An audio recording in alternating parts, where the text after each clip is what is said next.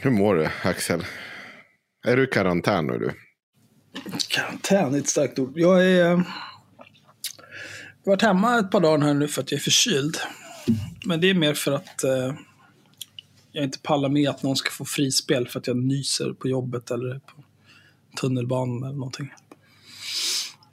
Eh, men annars så...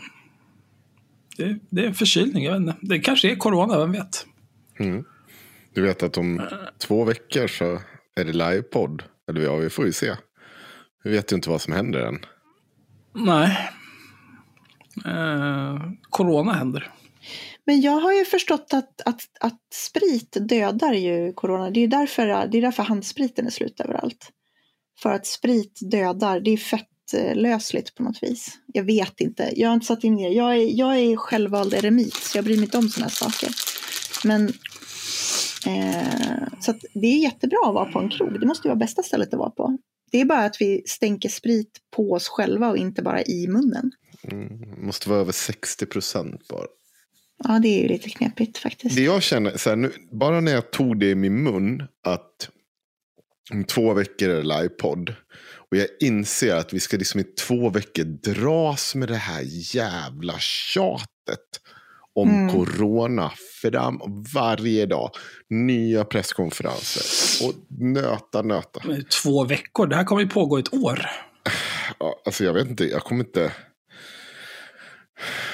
Jag kommer gå och slicka på någon som har corona. Jag kommer gå och Nej. slicka på någon som har corona. Och sen kommer jag bara gå runt ja, efter det. Ja, det är mycket bättre att få det nu. Mycket bättre att få det nu.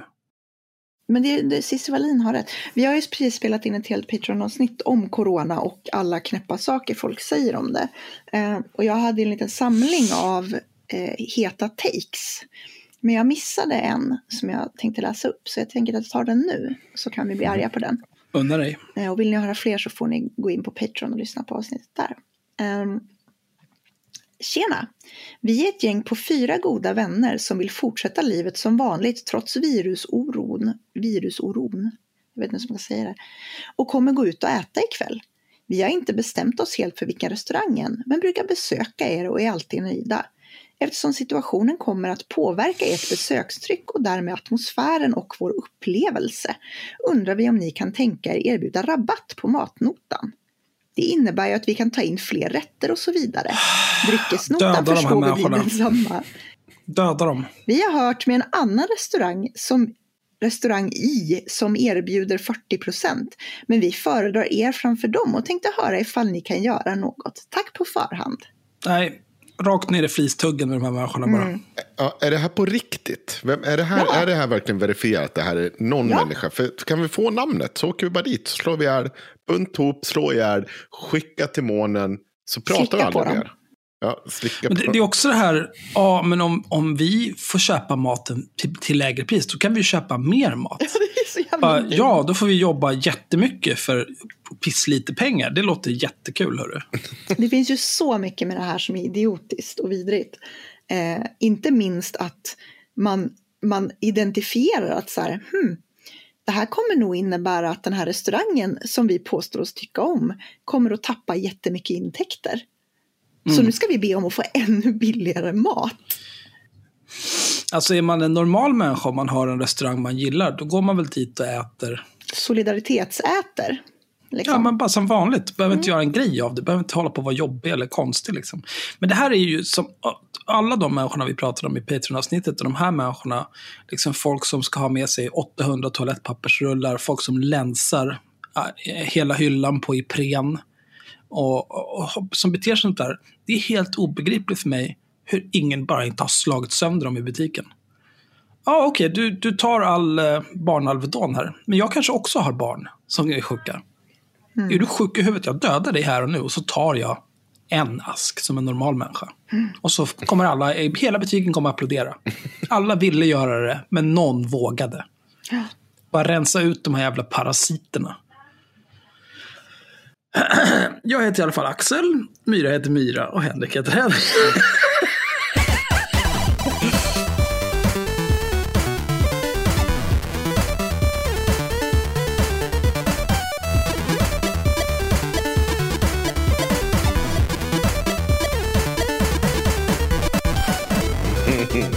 Och förutom idioter i Patreon-avsnittet så kommer ni också kunna höra en längre intervju med eh, Erik, vad hette han, Axel? Jag som, det var mycket rasism i det andra. Erik ska ut. Ja, Nej, Ol Olkiewicz. Olkiewicz. Ja, Och hans... Skautski. Nej, Olkiewicz hette han. hans magiska, eh, vad var det nu? Det var eh, hypnosinspelning. Ljudhypnos. Ni kan få en mp3 som stärker ert immunförsvar basically. Det är vad ni kan få. Eller enligt honom då. Eh, han, han kan dock inte riktigt förklara hur. Eller ja, om Han det live-googlar mer än vad vi gör under ett vanligt avsnitt, vilket Ja, är imponerande. Och sämre. Mycket, mycket sämre är han också. Mycket sämre. Ehm, så det kan Det ni är också lyssna lite på. högläsning och ja. Och ni som inte har hunnit lyssna på det förra Patreon-exklusiva materialet som handlade om vad då? Är det någon som kommer ihåg? Kenneth Coronahage. Ja, precis. Han, eh, den riskkapitalisten som satt och skrämde upp folk på Expressen Debatt. Ehm, och så finns det mycket, mycket mer att lyssna på där bakom på Patreon. Men i Patreon och eh, framförallt gå in och köp merch på vår eh, merch-sida. För det går till att täcka upp förlusterna för vår satirtecknare. Nu när han sitter och daytradar bort alla sina pengar. Nej, han, han blankar allt. Han vet hur man gör. Ja. Mm. Nej, det går ganska bra för honom. Men han vill fortfarande att vi säljer in lite merch. Och vad fan heter den sidan då? Det heter Spreadshirt. Spreadshirt. Det finns en länk i avsnittsbeskrivningen. Herregud, ska man behöva kunna allt utan till. Gå in och titta, det finns grym merch. Det viktigaste att veta, patreon.com slash haveristerna. Ja, i Patreon. Det är det absolut viktigaste. För vi behöver pengar nu när jorden går åt helvete. Och ni, vi känner att ni behöver det. Det är lite som de här på affären.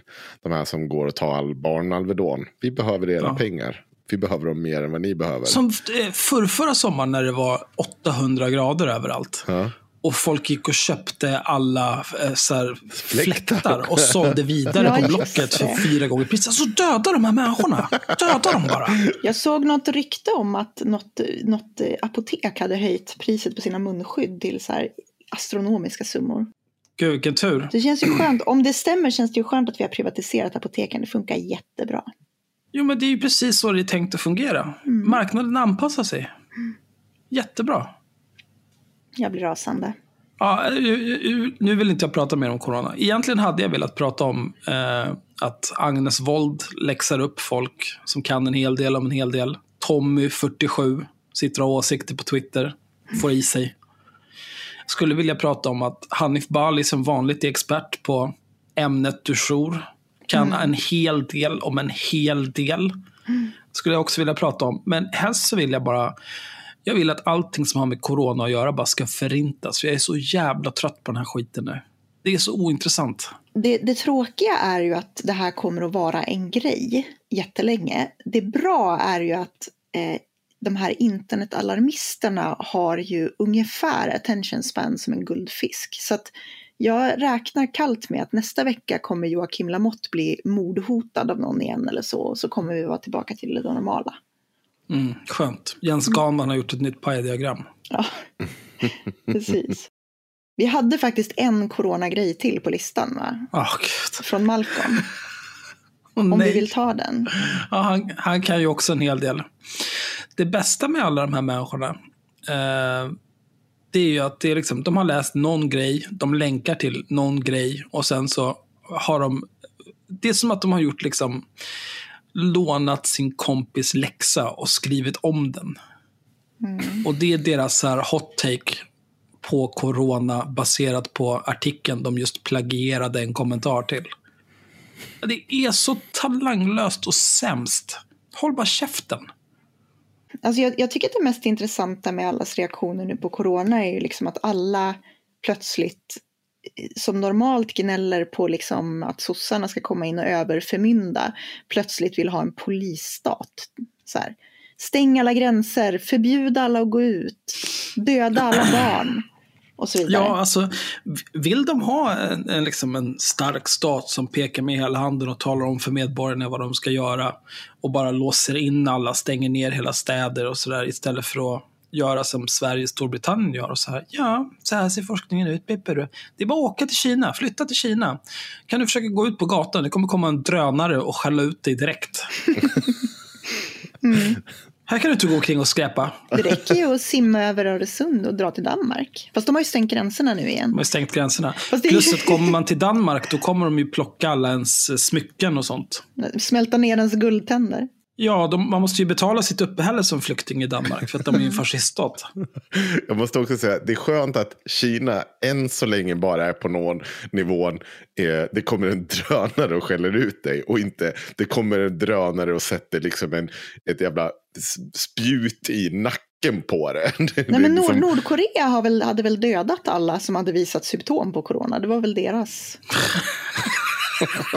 hittar, hittar jag på det här nu? Eller är det någon som känner igen det? ingen, det, det, jag jag, jag tänker att vi kan live-googla det. Ja, jag live-googlar det, men sen vi- läser jag en artikel på engelska. jag har inte hört någonting om det här, men det, det skulle verkligen inte förvåna mig. Och det går väl i linje med hur de hanterar det mesta i Nordkorea. Det här känns också, kommer det här vara det, det stora rasistiska avsnittet där vi bara sitter och säger en bunt inte- rasistiska saker om olika typer Det här är väl ingen rasism? Det är ju inte rasism om det är sant. Eller? Va? Men i, i Kina, det är ju liksom... eh, Visst, det kommer en eh, polisdrönare och skäller ut dig. Men den har ju en kamera.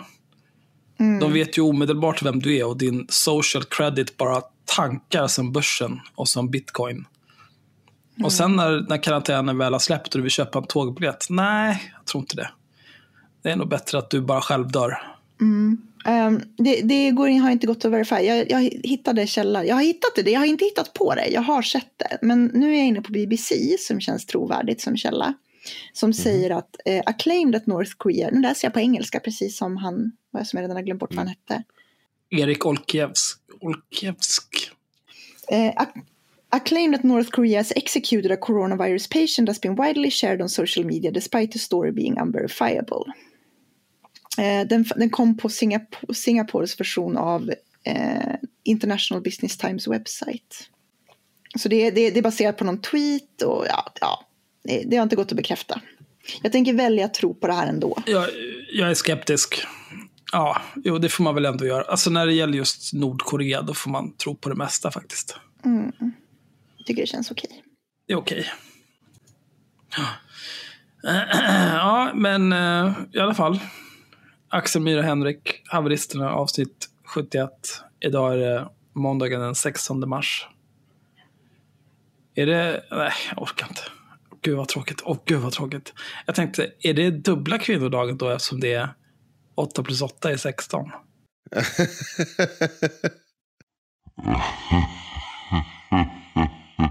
Nej, vi lägger ner. Vi kan inte spela in mer idag. Alltså, jag mår inte bra. Jag mår inte bra. Jag måste gå och hänga mig nu. Alltså. Fy fan vad tråkigt. Ska vi riva 88, av hela... Jag kan riva av bara så att ni får någonting om corona även i det här avsnittet. Så att vi, vi har Men vi har det ju klart. haft corona nu. Ja, jo, men vi ta behöver Malcolm? ju Okej. ta Malcolm här. Ah, Han är okej. ju Mm. fabulous.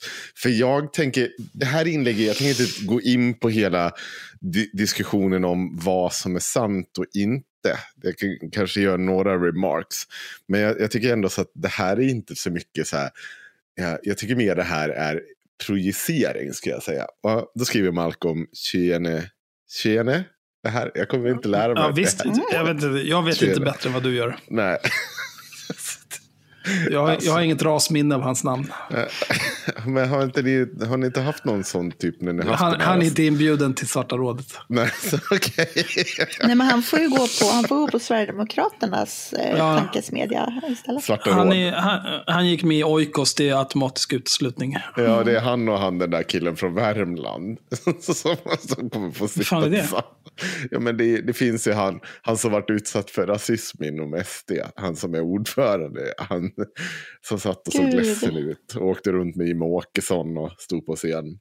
Ja, varför är existensen bara en enda lång tragedi? Mm. I alla fall, eh, så här skriver Malcolm. Ser just nu många som reagerar på Kinas kritik av svensk krishantering genom att hänfalla till ett patriotiskt viftande med den gula och blå fanan. Hurra! Sverige, frihet, rättvisa, mänskliga värderingar. Jävla fladdermusätare. Hur vågar ni komma här med era sneda ögon och kritisera oss? Alltså, vad, vad har du det ingen som har sagt det det Ingen som har här? sagt det här. Har du bara rasister i ditt jävla vänskapskrets numera? Han hade väl varit på möte med Oikos. Ja. Mm. När fan blir gammal blir han religiös. Och när en svensk får kritik från utlandet försvinner den postnationella självspäkelsen. Tydligen på en sekund. Det är dock värt att lägga, eh, lägga jingoismen åt sidan. Vad är jingoism för någonting? Eh, åt sidan ett tag och sätta sig in i vad kineserna, eh, kinesisk kritik går ut på. Låt oss därför göra det tillsammans nedan. I Kina existerar det i princip två, eh, två olika sorters coronavirus. Den ena sorten har en dödlighet på ungefär 5% av diagnostiserade fall, vilket är mycket högt. Den andra sorten har en dödlighet på ungefär 5 promille. Det är dock precis samma virus vi talar om i båda fallen. Så varför, vad förklarar denna diskrepans? Jo, den dödliga coronan finner vi i Wuhan, epidemins, ep, eh, epidemins centrum. Medan den mindre dödliga coronan återfinns i resten av Kina. Oj, förlåt. Skillnaden i dödlighet att göra med att sjukvården i Wuhan blev överlumpad av viruset. Och dess kapacitet har att behandla de kritiska fallen överstegs. Eftersom kineserna instiftade drakoniska begränsningar i folks rörelsefrihet och började testa och smittspåra aggressivt. Spred sig aldrig viruset utanför Wuhan i sådana mängder att vården inte hade nog med respiratorer och maskiner eh, för direkt syretillsättning av blodet. Varför är detta relevant? Jo, för att det finns två huvudfåror hur man ska försöka åtgärda den här epidemin. Kineserna såg ett virus som dödade stora mängder av de som blev sjuka. Och efter en traditionell period av förnekelse och huvudet i sanden reagerade det extremt starkt för att se till att bara en liten del av Kina fick 5%-versioner av corona. Genom att begränsa spridningen till en del av landet kunde det dessutom koncentrera all sin ex, eh, extra kapacitet i form av läkarteam, utrustning, byggarbetare och dylikt.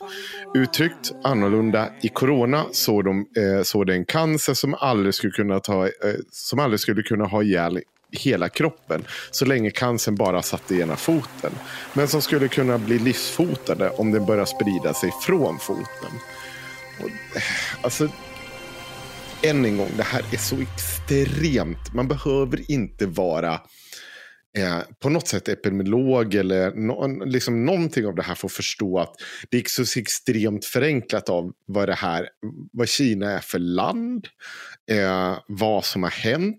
Eh, han, han tar inte beaktande att Kina har haft utbrott, vad var det, svininfluensan kommer från Kina också. Fågelinfluensan också. Jag läste precis att, att de har hittat någon ny sträng av fågelinfluensan som är skitfarlig. Ja, men eh, där, jo, men också där att det, där, då hade man också hunnit bygga upp en kapacitet med de här eh, speciella sjukhusen som låg utanför de ordinarie sjukhusen. Det fanns redan i Kina på ett helt annat sätt än vad vi haft i Europa. Allt sånt här, det har ju han helt bortsett ifrån. Och att eh, Kina kan bara liksom ställa sig och svetsa igen eh, ett hus med människor i.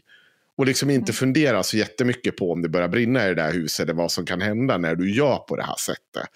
Eh, eller om du inför den här typen av drakoniska eh, utgångsförbud som det innebär att stänga ner en hel stad. Att det kanske kräver en militärmakt utan dess like ett, nedbrytande av befolkningen från första början. När, när alla länder i Europa har pratat om just den här totala nedstängningen så säger man så här att folket skulle inte acceptera det om du gör det för tidigt.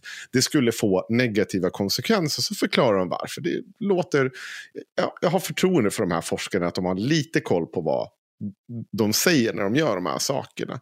Men Malcolm lever i någon slags fascistdrömstat om att bara, om vi bara liksom bara beter oss som totala fascister så kommer inte det här få, det kommer bara funka då. Det är, det är som att jag sitter och runkar till alla fascistiska åtgärder någonsin. Det ska vara progromer, eh, så är det rätt nu? ja, Han är ju radikal kommunist själv, Ja. så att han är, det är väl inte så konstigt. i han det. Ja, men jag säger självutnämnd. Hästskon Mm. där är ju extremt snäv såklart. Jo, men det är ju som, som jag sa tidigare. Eller jag kanske sa det i Patreon-avsnittet, men... Eller vi pratade om det. Eh, alla dessa vanligtvis... Eh, oh, sänk skatten, privatisera allt. Nu helt plötsligt. Nej, men staten, gå in och ta ansvar. Fy fan vad slappt. Varför är vi inte redan... Eh, eh, varför lever vi inte i Fortress? Varför är inte Christopher Lambert här och skjuter folk? Det är så efterblivet. Alltså, vad, om folk bara kunde vara konsekventa. Jag tycker inte, jag, jag tänker inte utgångsförbud. Vad lever du i för drömvärld? Jag gör väl vad jag vill. Ja, men vad, kan Kom vi inte, fråga. vad har de här liksom Henrik Jönsson och de andra libertarianerna som vill att stat, vi ska inte ha någon stat, vad har de för take på det här? Men de, nej, men de vill, jag tycker man måste to be fair där. Man gör väldigt libert, alltså de är ju, många av de här människorna är ju för en natt, nattväktarstat. Ja, där liksom basically du ska ha försvar, alltså då ska staten hantera sånt här också. Ja, sen eh, ser det lite annorlunda ut, men, men att låtsas som att de inte Det är ju skillnad liksom typ sälja ut apoteket och sen stå förvånad över att det får konsekvenser av att sälja ut apoteket. Men de här människorna säger ju uttryckligen att det enda vi ska ha det är de här, de här grejerna från första början. Eh, alltså, Ja, men om man, om man bortser från liksom extremister som vill ha en nattväktarstat. Om man bara tittar på moderater. Som så här, ja, men vi ska ha skattesänkningar på skattesänkningar på skattesänkningar. Vi ska privatisera allting, sälja ut hela välfärden. Den nya Karolinska är en jävla katastrof från början till slut. Så vi passar på att varslar hälften av personalen där. De kan dra åt helvete för de behövs ändå inte. De är överflödiga. Och så händer det här. Sverige, vi är inte förberedda på... Nej, det är klart vi inte är. Åsnor. Vems fel är det? Det är klart att vi inte är förberedda. Vi har skurit sönder hela den offentliga sektorn i årtionden. Jag är villig att ge eh, sossarna en stor känga där också. Ja, det är, inte bara, Moderaterna och allianspartiernas fel. Det är lika mycket sossarnas fel. Jävla kackerlackor. Väx De gör upp allihopa. nog. Men jag ska, jag ska inte läsa mig, trycka mig igenom hela den här jävla texten. Men jag, jag måste bara fortsätta för att han, han, är, eh, han, är, lite, han är lite speciell. Ehm, nu ska vi se. Uh, Jingoism är för övrigt extrem patriotism. Okej. Så han hade kunnat skriva patriotism. Det här- Men.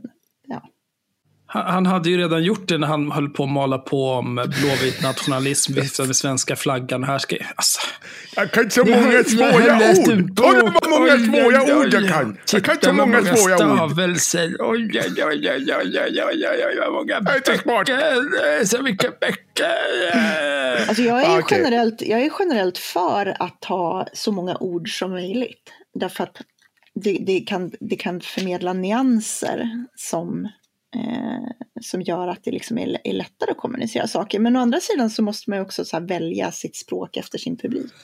Jo, men Myra, jag, jag, vet du vad? Det, nej, det, jag vill svara på det. Du, har, du skriver väldigt, väldigt bra. På, du, använder, alltså, du använder inte alls... Du använder många olika ord. Men du använder... Det är som inte de här jävla orden som man måste liksom Googla, bläddra nej. längst bra bak i någon jävla ordbok för att hitta. För att det är inte någon som har använt det sedan 1847 på sensommaren. Det är liksom inte rimligt. Det är det som är, alltså det är det jag menar är poängen. Så här, jag tycker ju att Mm. ett språk, det är därför jag gillar engelska mer än svenska på många sätt. För att engelskan har så här hundra gånger fler ord än svenskan. Vilket gör att eh, istället för att du har, alltså du har många fler nyanser. Som i det här fallet till exempel att patriotism och sen har du ett ord för extrem patriotism. Speciellt när det kommer till så krigsyttringar och sånt. Det är skitbra att det finns ett sånt ord. Men samtidigt så om du skriver i sociala medier Eh, eller om jag skriver i en tidning eller liksom sådär och tänker att publiken som kommer läsa det här och ska kunna ta till sig det här är några andra än mina grupprunkarkompisar som har läst exakt samma böcker som jag. Så måste jag ju skriva på ett sätt som folk kan ta till sig. Ja, fast det är ju inte alla de här. 99% av de som läser Malcolms texter låtsas ju förstå vad han skriver nu. Eller så sitter de hemma och googlar var och vartannat ord för att de ska hänga med i den här texten. Ja, eh, Malcolm, har Malcolm kanske har eh, också googlat synonym patriotism för att han hade, han hade skrivit det 15 gånger. Jag tänker se Ja, jag tänker läsa vidare nu. Så här, i, nu kommer vi hoppa över en bit. I kinesernas ögon är det här en totalt galen strategi. Har svenskarna inte sett hur farligt detta virus är om sjukhusen får slut på vårdplatser? Har de inte fattat att ett virus som dödar några promille istället dödar några procent när du inte kan behandla alla nya fall? Nu kommer jag till ett påstående här som jag inte håller med om och jag tror är totalt lögn. Italien har långt bättre sjukvård än Sverige. Och där Eh, och där ligger dö- dödligheten ändå på över 5% Detta är ganska berättigad kritik. Eh, Kan någon live googla om Italien verkligen har bättre sjukvård? Jag är on it. Jag hade redan börjat faktiskt. Jag öppnade precis. Alltså de flesta länder i Europa har väl likvärdig sjukvård som Sverige. Ja, jag vet att det finns, de man har räknat på eh, så här, akutplatser, men Jag får upp massa artiklar. Italy's healthcare system groans under corona, coronavirus, a warning to the world. Virus outbreak pushes Italy's healthcare system to the brink. Men, Ja, det är väl rimligt. Det, det, ja. I alla fall, nu kommer det här. Det står alla fritt fram att lägga upp bilder på Kina-puffar och håna fladdermusätare och slå sig själva för bröstet just nu. Jag, jag har inte sett någon som gör det. Jag har sett vår, okej, vår satirtecknare drog ett Twitter-skämt där. Men annars har det varit ganska lugnt. Angående Italien. Jag, jag känner att jag är så här käll, jag känner att jag är käll, jävligt källkåt idag. Nej, så här. ehm, 2000 så eh, delade Världshälsoorganisationen ut, sa de att Italien hade näst bästa häls, eh, sjukvården i världen efter Frankrike. Oj, fint ska det vara. Det var det, var det jag hittade eh, om det.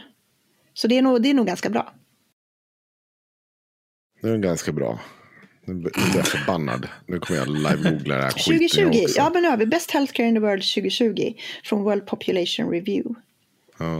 Eh, Kanada, Qatar, Frankrike, Norge, Nya Zeeland, Tyskland, Hongkong, Nederländerna, eh, Schweiz, Singapore, Luxemburg, Japan, Sverige. Står det. Såg jag inget Italien där? Nej. Oj, tokigt. Ja, men då kan ju Mussolini-land dra åt helvete då. Eh, Vad gör du nu? Nej, vadå? Jag, jag bara påminner om att vems sida de var på under andra världskriget. Nej, det är inga konstigheter. får man göra. Ska se. Jag har här bäst från, från US News. Jag försöker hitta lite fler källor här för jag vet inte hur pass pålitlig den där sajten är. Det var första resultatet på Google. Så att, ja. ehm, Jag hittade också en där Italien rankas på 37 plats och Sverige 28. Mm. Då är healthcare system. Mm. Det är väl fler faktorer misstänker jag då. Ja, det, det, det, det finns ju massor med faktorer att beakta och allting beror ju helt på hur man räknar. Ja, Så, Men, men jag tror man kan i alla fall konstatera att Malcolms påstående här, det är... Nej, Nej. nej, nej.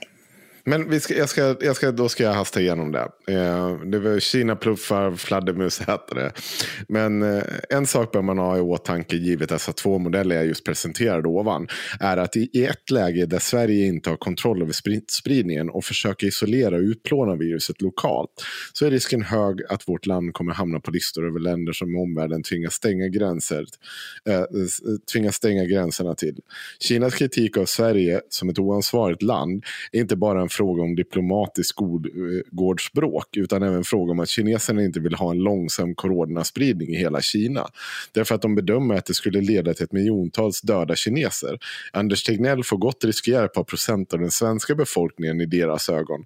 Men Sverige har ingen rätt att vara en framtida vektor för spridning till resten av världen. Eh, man kan tycka vad man vill om detta. Och det är som sagt kul att mobilisera diverse olika av nationsstereotyper när man själv blir kritiserad. Så mycket, så mycket fattar även jag. Håll dock i åtanke eh, att om Sverige hanterar den, eh, denna epidemi lika dåligt eh, så kommer antagligen vi få vänja oss vid att bli Europas nya Grekland. Ett problemland och en förolämpning. Ett avskräckande exempel på en nation som inte längre förtjänar sitt kvar, eh, sitt kvar vid vuxenbordet. I praktiken kan detta innebära att man som svensk privatperson i princip inte kommer kunna resa utomlands Men när och var man vill. Den dagen det sker fler kommer jag nog eh, flaggviftande att sätta, eh, kommer nog flaggviftande att sätta sig i halsen på en del nykläckta lokalpatrioter. Det här är så jävla töntigt. Det här är så jävla typiskt också att det finns ju inga som sprider så mycket skit om Sverige som de här människorna som säger sig vara Sverigevänner på olika sätt. Det är ju standard och det är exakt samma grej här. Malcolm vill ju inte låtsas vara en Sverigevän bara. Nej, han, han låtsas att han inte är det, men han, han, hänger ju liksom, han är ju uppskattad i de kretsarna för att han säger hur dåligt Sverige är hela tiden och hur dålig vänstern är och så vidare. Men det där har vi pratat om förut. Men det är, det är den gamla vanliga systemkollapsen. Mm, mm. Exakt. Jimmy Åkesson har ju såklart hoppat på det här nu och vill förespråka stängda gränser. För att det finns ju ingen, här, samtidigt som han säger att det är så osmakligt att nu ska man göra, man ska göra politiska poänger på den här tragedin, säger han. Och sen så samtidigt så förespråkar han stängda gränser. Och inser inte ironin i det hela. Han är, han är inte smart. Ja, nu, nu får, kan vi, vi inte prata mer om det, jag blir så arg. Nu, nej, jag vill inte heller prata mer om det. nu, nu är det bra. Nu vill jag prata ja. om andra saker i mitt liv. Men jag tänker, jag vet att jag just var och kissa, men jag trycker på alltså när man håller på att börja dricka cola nu när vi ska göra de här jävla inspelningarna. Det är fan värre än att dricka öl ska jag säga er. Varför dricker du cola då? För att jag vill ha någonting att dricka när vi sitter och... Varför dricker du inte vatten som en normal människa? Jag har för... druckit en och en halv liter vatten sen vi började. Ja, men det är för att du, du är coronasjuk. Det här är ju, det är ju din sista suck. Nu tror ju du att nu ska du, nu ska du göra bot och bättring för alla år du har sett och liksom marinera dig själv i absolut vodka och dina igenfrysta snapsar från sensommaren 87. Det är liksom det du nu försöker. Det här, du kommer dö i vilket fall som helst. Du är så jävla fucked. Det här är en som är kallad water cleanse. Jag lovar att ja. Katrin, Katrin ja. Har, har många bra tips på det här. Jag går, jag går och kissar ja, så kan ni prata på. Ja, jag, jag okay. undrar dig. Ja. Ja, nej, jag, jag är rasande på allt. Eh, och bara känner att jag orkar inte med världen. Vi pratade nej. om det i den här livsledan i Patreon-avsnittet. Men jag, jag, jag känner verkligen så här, det, det, jag orkar inte mer. Jag, det, det är bra nu jag är så trött på all jävla alarmism och är det liksom inte det ena så är det det andra. Och så här, tredje världskriget och sen så det vanliga var Sveriges alarmismen. Och nu har de fått corona och gnälla på och jag bara känner så här, jag orkar inte bry mig. Nu får världen gå under, det är bra nu. Det räcker faktiskt. Jag har också fått nog. Ja. Förhoppningsvis så tröttnar alla andra också, så kanske vi kan få ett vettigt debattklimat igen. Eh, det behöver inte vara så här förutom de här som jag läste upp eh, så har det här även bidragit till att det, eh, R.E.M's eh, låt från 87, The End of the World as We Know It, har fått ett nytt uppsving eh, och klättrar sedan ett par dagar sedan på iTunes 100-topplista. Den är på plats 55 Perfekt. nu. Eh, den är alltså högre än vad den var, då fanns ju inte iTunes-listan, men den var som högst på plats 69 på Billboard när den först släpptes. Det är så jävla bra alltså. Mm. Så många memes. Mm. Själv måste jag gå och handla imorgon. Det känns sådär. Senast jag var och handlade förra veckan då. Eh, det fanns hur mycket mat som helst i butiken. Mm. Ja, det finns allting här också förutom toapapper. Åh oh, gud, det folk bara delar så mycket skit hela tiden. Man kan, man, jag måste sluta titta på Facebook. Man scrollar här. Mm. Och så, här, ah, så här många dör i de här olika sjukdomarna. Här är corona, det är jättelite. Bara, men, ja, det är fabulöst. Jag drar 3000 i tuberkulos varje dag tydligen. Ja. Men, men det är precis det där som blir, det är det där som jag är så jävla trött på. Därför att vi har, det, det är väl lite grann som Eh, för att det sitter en massa idioter. Jag har ju pratat om det här, eh, typ när man pratar om att ja, men man får inte, vi har inte kunnat prata om invandringen, om att det finns negativa effekter. Så bara, nej, det är ju därför att det är ju på grund av idioter från Sverigedemokraterna och deras fan, fanboys. Därför att de har varit så jävla upptagna med att sitta och sprida en massa skit. Vilket gör att alla vettiga människor måste sitta och bromsa och sprida positiva saker för att göra någon sorts motvikt och, och, så blir det liksom ingen så här rättvis diskussion om det. Det känns lite som att det är samma sak här. Att du har en sida som sitter och bara Åh, världen går under, Sverige, ingen kommer kunna resa utomlands för Sverige kommer att vara laughing stock i hela världen. Eh, och, och, Anders Tegnell, jag har redan glömt bort vad han heter, heter han Tegnell? Ah. Tegnell. Eh, Anders Tegnell kommer att förstöra, han kommer att döda dina barn liksom. Och då måste den andra sidan sitta och säga så här, titta här vad inte farligt det är för att lugna ner folk. Så då blir det liksom två extremer på ett sätt som är så här jävligt tröttsamt. Oh, och Cissi Wallin har inte förstått ett skämt. Igen. Någon har lagt upp en toarulle för tusen spänn på Blocket eller någonting. Då tror hon att det är på riktigt? Nej, jag vet inte om hon tror att det är på riktigt, men det är en extremt tråkig kommentar. Vi kanske ändå förtjänar jordens undergång. Det är ju, Wallin, känns ju som att hon inte riktigt begriper skämtet. Cissi Wallin är, är ju faktiskt nästan miljardär, så att hon kanske tror att toarullar kostar tusen kronor numera. Det var väl, ja, hon kanske inte ens handlar själv. Jag tänker att det är som det här skämtet, eh, vad man brukar säga, det finns ju någon sån här anekdot om att någon ska någon ska liksom gissa vad en liter mjölk kostar och så gissar de på så helt sjuka summor för att de handlar aldrig själva. Nej. Bill Gates var ju med på Ellen mm. och gjorde någon typ av, eh, ja, gissa vad de här dagliglivsvarorna kostar. Mm. Han hade ju fan inte en siffra rätt. Nej. Men han har ju varit miljardär i 40 år så det är inte så konstigt. Nej men det kanske är samma med Cissi Wallin. Hon kanske inte vet. Hon kanske tror att inflationen funkar så här. Hon har för fan personal som sköter det där. Husan. Men å andra sidan, om hon har det, då kommer hon ju vilja titta på kvittot. För vi vet ju att hon är snål. ja, just det. Ja, pruta lite. Hon kanske, kanske var det, hon kanske ville pruta på toapappret. Från 995. Svart. Utan moms. Ja. Nej men hörni, ni, ni verkar, gud vad ni är slappa och sega. Men jag tror att jag har fått corona. Jag känner, att jag, jag känner mig lite febrig faktiskt. Jag tror att jag vi skulle inte prata något mer om det. det men, men då nu har vi jag, pratat om tänker, corona i 40 minuter. Så ja, det är perfekt. Jag, tänker jag dra ta igång ett, ta ett nästa, riktigt ämne nu. Då tar jag ett mm. riktigt ämne. Jag har kränkt eh, en... Eh, Nej, jag tänker inte prata om, om en eskortsdagbok. Ja, det behöver du inte göra. Jag tänker prata om det i alla fall. Jag har kränkt en eskort... Eh, vad heter hon? Hon heter... Eh, en eskortsdagbok. Nej, men vad heter hon på riktigt? Emma. Emma heter hon. Eh, mm. En, hon heter, hennes nickname på Twitter är en eskorts dagbok. Men jag tänker kalla henne Emma fortsättningsvis. För er som undrar vem Emma är så kan ni gå in på Navid Modiris podd. Vi vägrar länka dit, men hon, hon, hon finns med där. Jag, kom, jag tänker länka. Ja, det är klart du kommer länka. Du kan ju länka till hennes Twitterkonto. Ja, det kan vi också. Det kan jag också göra.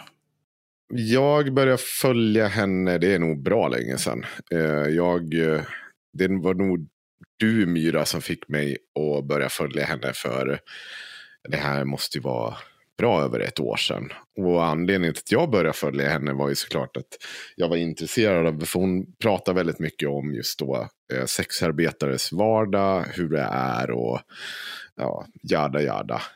Och det är också det hon gör om i Navid Modiri. Och framförallt hon alltid diskuterar ur perspektivet att hon inte på något sätt är ett offer för några omständigheter. Hon gör det här högst av sin egna fria vilja och eh, hon, eh, hon tycker om sitt liv. Så jag uppfattat henne. Är det någon däremot som har följt henne? Nej, det kan jag inte påstå. Nej. Nej, alltså jag, skulle, jag skulle väl säga att hennes argument Haha, är väl... nu diskuterar du det. Ja, men jag orkar inte. Alltså, men grejen är att om du ska hålla på och hoppa på henne på det där konstiga sättet som du gjorde på Twitter så tänker jag, kommer jag ju Du får skylla dig själv om du drar igång den här diskussionen. För jag kommer dra igång den nu. Om du säger att det är ett Vänta, konstigt Ska jag skylla mig själv om jag drar igång den för du tänker dra igång den? Ja, det är precis vad som kommer ske. Ja, men, alltså, men jag kan inte heller säga, jag tyckte att det där var jävligt fult argumenterat. Och jag kan inte, det är det som är grejen, jag kan inte sitta och hålla käften om det då, om du tänker prata om det.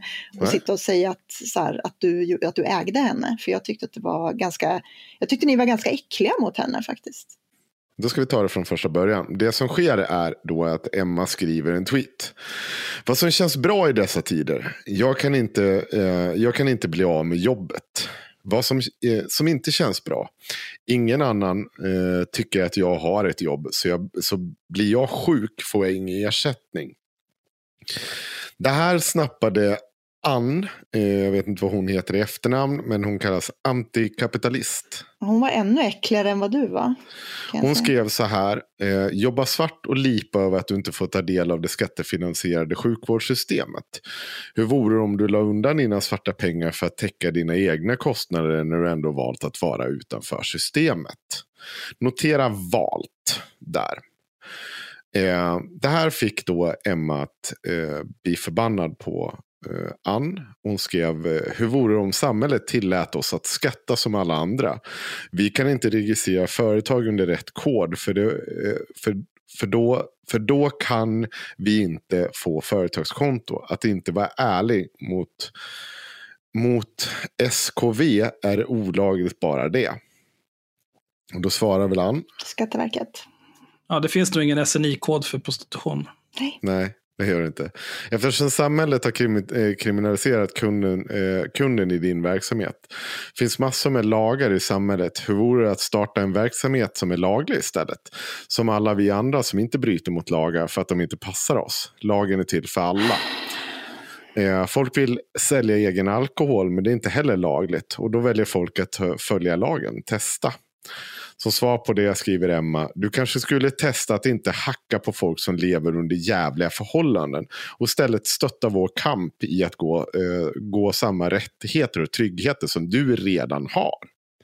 Och det är här någonstans jag kommer in i bilden. Jag tänker inte eh, dra det, sitta och bara läsa upp eh, alla tweets däremellan. Men jag tycker fortfarande det finns ett problem här med Emmas resonemang. För det första, hon, hon beskriver sig själv som egenföretagare. Eller som egen i det här fallet. Så att jag tycker inte det är något konstigt i att hon även då lägger undan. Alltså att hon lägger på den kostnaden så att hon har till sin egen eventuella sjukskrivning. Det gör alla andra egna företagare. I det här fallet har också Emma valt, precis som Ann säger, att jobba med en olaglig verksamhet. Hon säger att hon gör det av totalt egen frivilliga. Eh, och hon säger att hon mår bra av det. Så jag har väldigt, väldigt svårt att förstå att, vad problemet är. Ja, och där tycker jag att du missar någonting väldigt grundläggande. Och det jag tycker att du missar i det här är att eh, du, för, du, du blandar ihop att välja någonting eh, och att, ja, men som att, eh, alltså du, du tolkar det, när hon säger att hon har valt det här själv, och att det är hennes bästa val så tolkar du det som att hon, hon bara, ah, det här är skitbra, det här är en jävla dans på rosor, jag älskar det här, jag skulle välja det här även om jag kunde få vara statsminister i Sverige istället. Alltså som att det är, alltså så här, det är det här jag tycker det blir så himla dumt också i många diskussioner om det här och det är därför jag inte liksom orkar prata om det. Därför att det måste liksom finnas Eh, alltså du, du, det är som att människor som säljer sex måste välja. Alltså du, du, jag tror att det var, det var en, annan, en annan tjej eh, som beskrev det så här att om hon säger, sekunden hon säger om hon beskriver det som att jag har valt det här, det här var mitt val att göra det, jag står för det, jag är inte bara ett offer i det här, alltså så här, jag, jag, vill inte bli behandlad som ett offer som inte kan ta egna beslut. Då säger folk så här, aha, men då är inte du representativ för då är du den, det quote unquote, den lyckliga horan så att du är inte representativ och därför får inte du ha en åsikt om det här. Eh, och du, du är liksom, din, din åsikt ska vi avfärda. Säger hon däremot att så här, ja men jag hade liksom inga andra bra val som funkade för mig därför att jag, jag pallade inte ett vanligt jobb och det här var ett, liksom ett sätt för mig att, att, att orka leva och liksom inte behöva oroa mig för pengar. Då säger folk, jaha, men då är det ju, då är det ju ett offer och då det, har du ju inte valt det här utan då är du, då är du tvingats in i det och alltså kan vi inte lyssna på din åsikt för att du är bara ett offer. Alltså det är Fast... som att, och jag tycker att det är precis det du gör, att hon säger Nej. att hon har valt det här betyder ju inte så att ja, men jag hade jättemånga andra alternativ. Hon, hon, skriver uttryckligen här i en tråd. Jag förstår inte frågan. När hon, på så här, hon, hon får frågan, har du backupjobb som du kan falla tillbaka? Jag förstår inte frågan, hur ska jag ha tid med ytterligare ett jobb? Tyckte jag var tydlig med att jag föredrar att vara min egen chef. Jag, jag Ja. kan inte tolka det som något annat sätt än att jag har valt det här, jag vill jo- jobba med det här. Ja, men, men förstår inte du att jag tycker att det är enormt hycklande från någon som arbetar, som är... Fast nu som ger du in i en annan diskussion. För Nej, nej, nej, nu nej, tänker jag nej. svara på det du just har sagt. Nej, det är inte sant. Hon har varit väldigt tydlig med att hon tycker om det här jobbet. Hon vill jobba med det här jobbet. Hon är tydlig med att hon vill vara sin egen chef. Men du vet- så, men om du har valt då att jobba med en olaglig, eller det är inte en olaglig verksamhet, men det är, det är inget Men du, du, kan. vet ju inte vad hennes alternativ var. Det är ju precis det här jag försöker säga. Det är som att hon- säga så här, hon, om hon får välja mellan att göra det där eller, eh, inte fan vet jag, sälja knark så kanske hon säger att ja, men då väljer jag det här för det är det bättre valet för mig. Om hon får välja mellan eh, att sälja sex eller att gå, springa hos SOS så kanske hon väljer att sälja sex därför att hon mår psykiskt dåligt av att springa hos SOS. Alltså det, det är det jag menar. Att hon säger att hon har valt det säger Men nu tar ju du om... av henne hennes egen agens. Nej, Det är, det är du som, det. jo det väl. det är Nej, precis du som, du nej. säger så här, nej men varför kunde hon inte gå och sätta sig på Ica då? Va? Ja, men, tills, börja jobba på Ica. Men det var ju inte det jag sa. Det jag Ja, men du, säger... gör ju, du gör ju alternativen så otroligt... Nej. Det är liksom sådana extremer. Alltså att men, jag säger nej, bara... Så, men jag tar upp dem för att jag säger att du vet inte varför en person har valt någonting. På samma sätt som en person, alltså jag tror ju inte så här, människor som, eh, i, som fan, sitter i kassan på ICA, kör Uber, Mm. har inte världens bästa jobb, men de har ju förmodligen valt dem. Det är ingen som har tvingat dem att ha de jobben. Och det som störde mig var liksom att du vet inte varför hon har valt det här. Du har ingen aning om... Alltså att, att jag hon, har ju lyssnat på henne. Ja, men att, hon, att hon säger att hon har valt det säger ju ingenting om vad Nej, men- som fick men Mira, henne att om- välja det och vilka alternativ hon kände att hon Om hade. det fanns några typ av dolda motiv till varför hon hade valt det, då hade Men hon vadå? kunnat framfört dem Men varför ska hon göra det? under vår konversation. Nej, men för varför ska hon vi- kanske vi inte har- vill prata om det med dig? Men man, man får ju välja i så fall, om man ger sig in i den diskussionen och är någon typ av aktivist, då får man ju välja om man antingen ska säga så här, men jag har valt det här, jag gör det här för att jag vill. Men då får man ju också, om det blir diskussion kring det, då får man ju beredd att berätta varför man har valt det och, och omständigheterna kring det. För att det är liksom, Mm. Men så nu- blir det ju per automatik. Jo, men nu vet inte Henrik det när han går in och säger... Alltså, du, nu ska jag säga att du var inte lika illa som an, antikapitalist, för hon var ju bara sjukt jävla otrevlig eh, genomgående. Men det som gjorde mig arg var väl liksom det här att, att en, en människa som, som du som har en ganska lång liksom, bakgrund och ideologisk förankring i arbetsrätt säger till någon att jaha, men om du inte är nöjd med villkoren så får du väl byta jobb. Det tyckte Ja. jag var så jävla konstigt. För, nej, det är inte ett dugg konstigt. För att det är inte så att arbetarrörelsen på något sätt godkänner svartarbete eller olaglig liksom, Men hon verksamhet. får ju inte jobba, hon vill ju inte jobba svart, hon tvingas jobba svart. Fast det gör hon ju inte. Det finns ju andra jobb. Det finns Det är andra. ingen som tvingar henne att jobba med det där. Nej, men det är inte heller någon som tvingar de flesta människor som Nej, men har... snälla, Myra, Myra nu, det måste jag, jag måste, du, nu tar du av henne sin egen agent. Hon har Nej. gång på gång varit supertydlig med att ingen har tvingat henne. Hon gör det här av egen Men jag- fri vilja. jag säger Hon inte hade annat. kunnat gjort andra saker.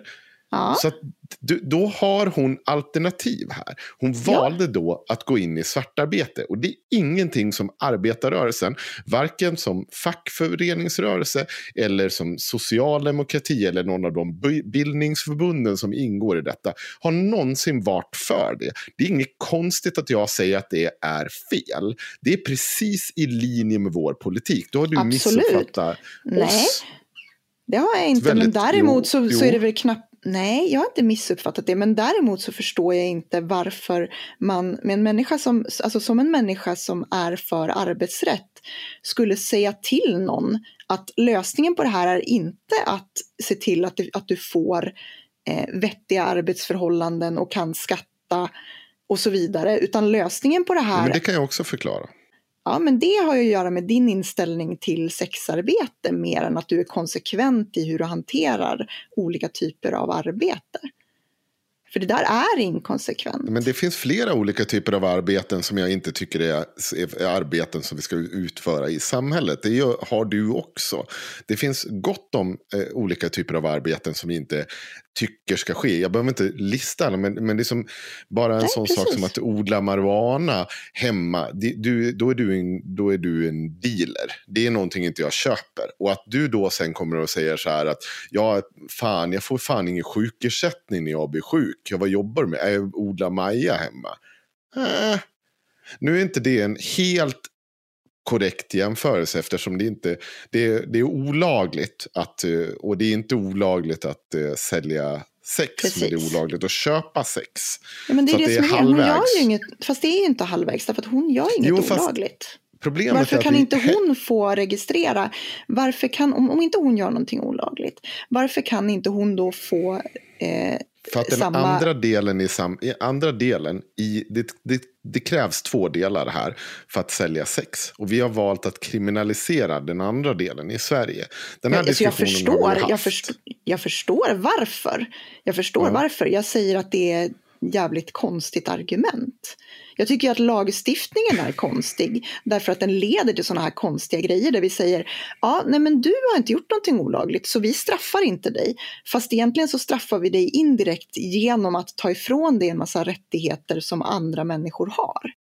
Det finns ju andra delar som man diskuterar det här också. Till exempel i, i drogpolitiken där man diskuterar att eh, man kanske ska avkriminalisera bruket. Eh, och, och liksom, det är Mhm. fortfarande olagligt med droger. Men det är bara att när du väl har fått i dem så är inte det ett problem. För då kan man jobba med andra, eh, alltså andra typer av insatser mot de här människorna. Och, och det, det, det har ju du också argumenterat för när det kommer till avkriminalisering. Väldigt, som jag uppfattade dig då, men jag kan ha fel, så var du inte riktigt säker på om du var för avkriminalisering. Det enda jag säger i just det här fallet, det är att det jag varit förbannad på Emma, det är att hon hänfaller till en offerkofta där hon börjar helt plötsligt eh, ja, men bland annat citera min tweet och säga titta här, privilegierad person med alla rättigheter i världen tycker att jag får skylla mig själv för att jag mår dåligt av samhället, stigmatiserar och diskriminerar mig. Fräscht. Så, den där typen Ja, av... men ja, jag men så här- uppfattade det typ så. hon kommer så här, wic- eh, när jag svarar på det, victim blaming match. Så man så här, offer för vad? Du har ju inte velat vara ett offer.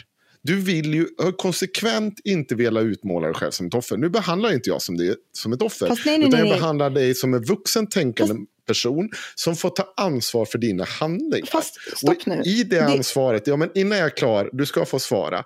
Innan det, i det ansvaret så ingår det också att du har valt en, eh, en svart verksamhet i Sverige och jobba med det. Då kommer det med konsekvenser. Det kommer med konsekvensen att du kommer inte kunna skatta, du kommer inte kunna få eh, nu hade det varit jävligt oklart om hon faktiskt hade fått någon sjuklön från staten i vilket fall som helst. Utan det hade nog varit någonting hon hade sparat ihop.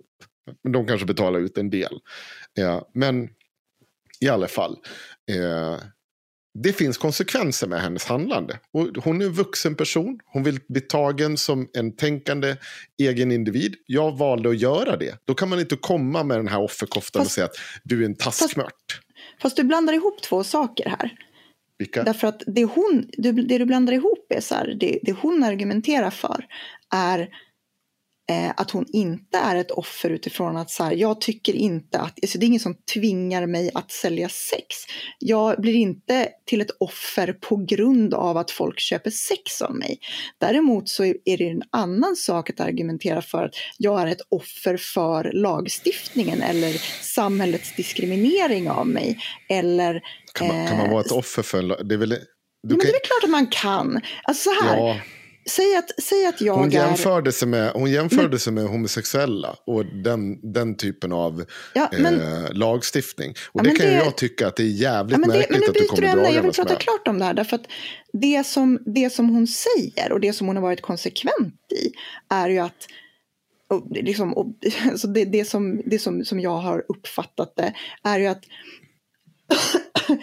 och att hon däremot säger att hon är ett offer för svensk sexköpslag och att hon inte kan få de här olika typerna av Mm. liksom, pensionsskit och allt vad det kan vara. Men det hon, när hon säger att hon inte är ett offer, det hon säger då är ju att själva akten att ligga med människor för pengar är ingenting som gör det till ett offer.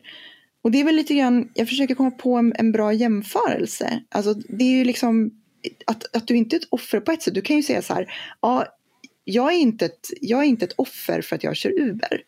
Eh, jag har valt det själv, att köra bil eh, som sysselsättning och det är någonting som jag eh, är nöjd med och jag trivs med det. Men de här arbetsvillkoren som det här företaget har eller de, den här lagstiftningen som jag tvingas jobba under är på olika sätt förtryckande eller skada mig eller vad det nu kan vara.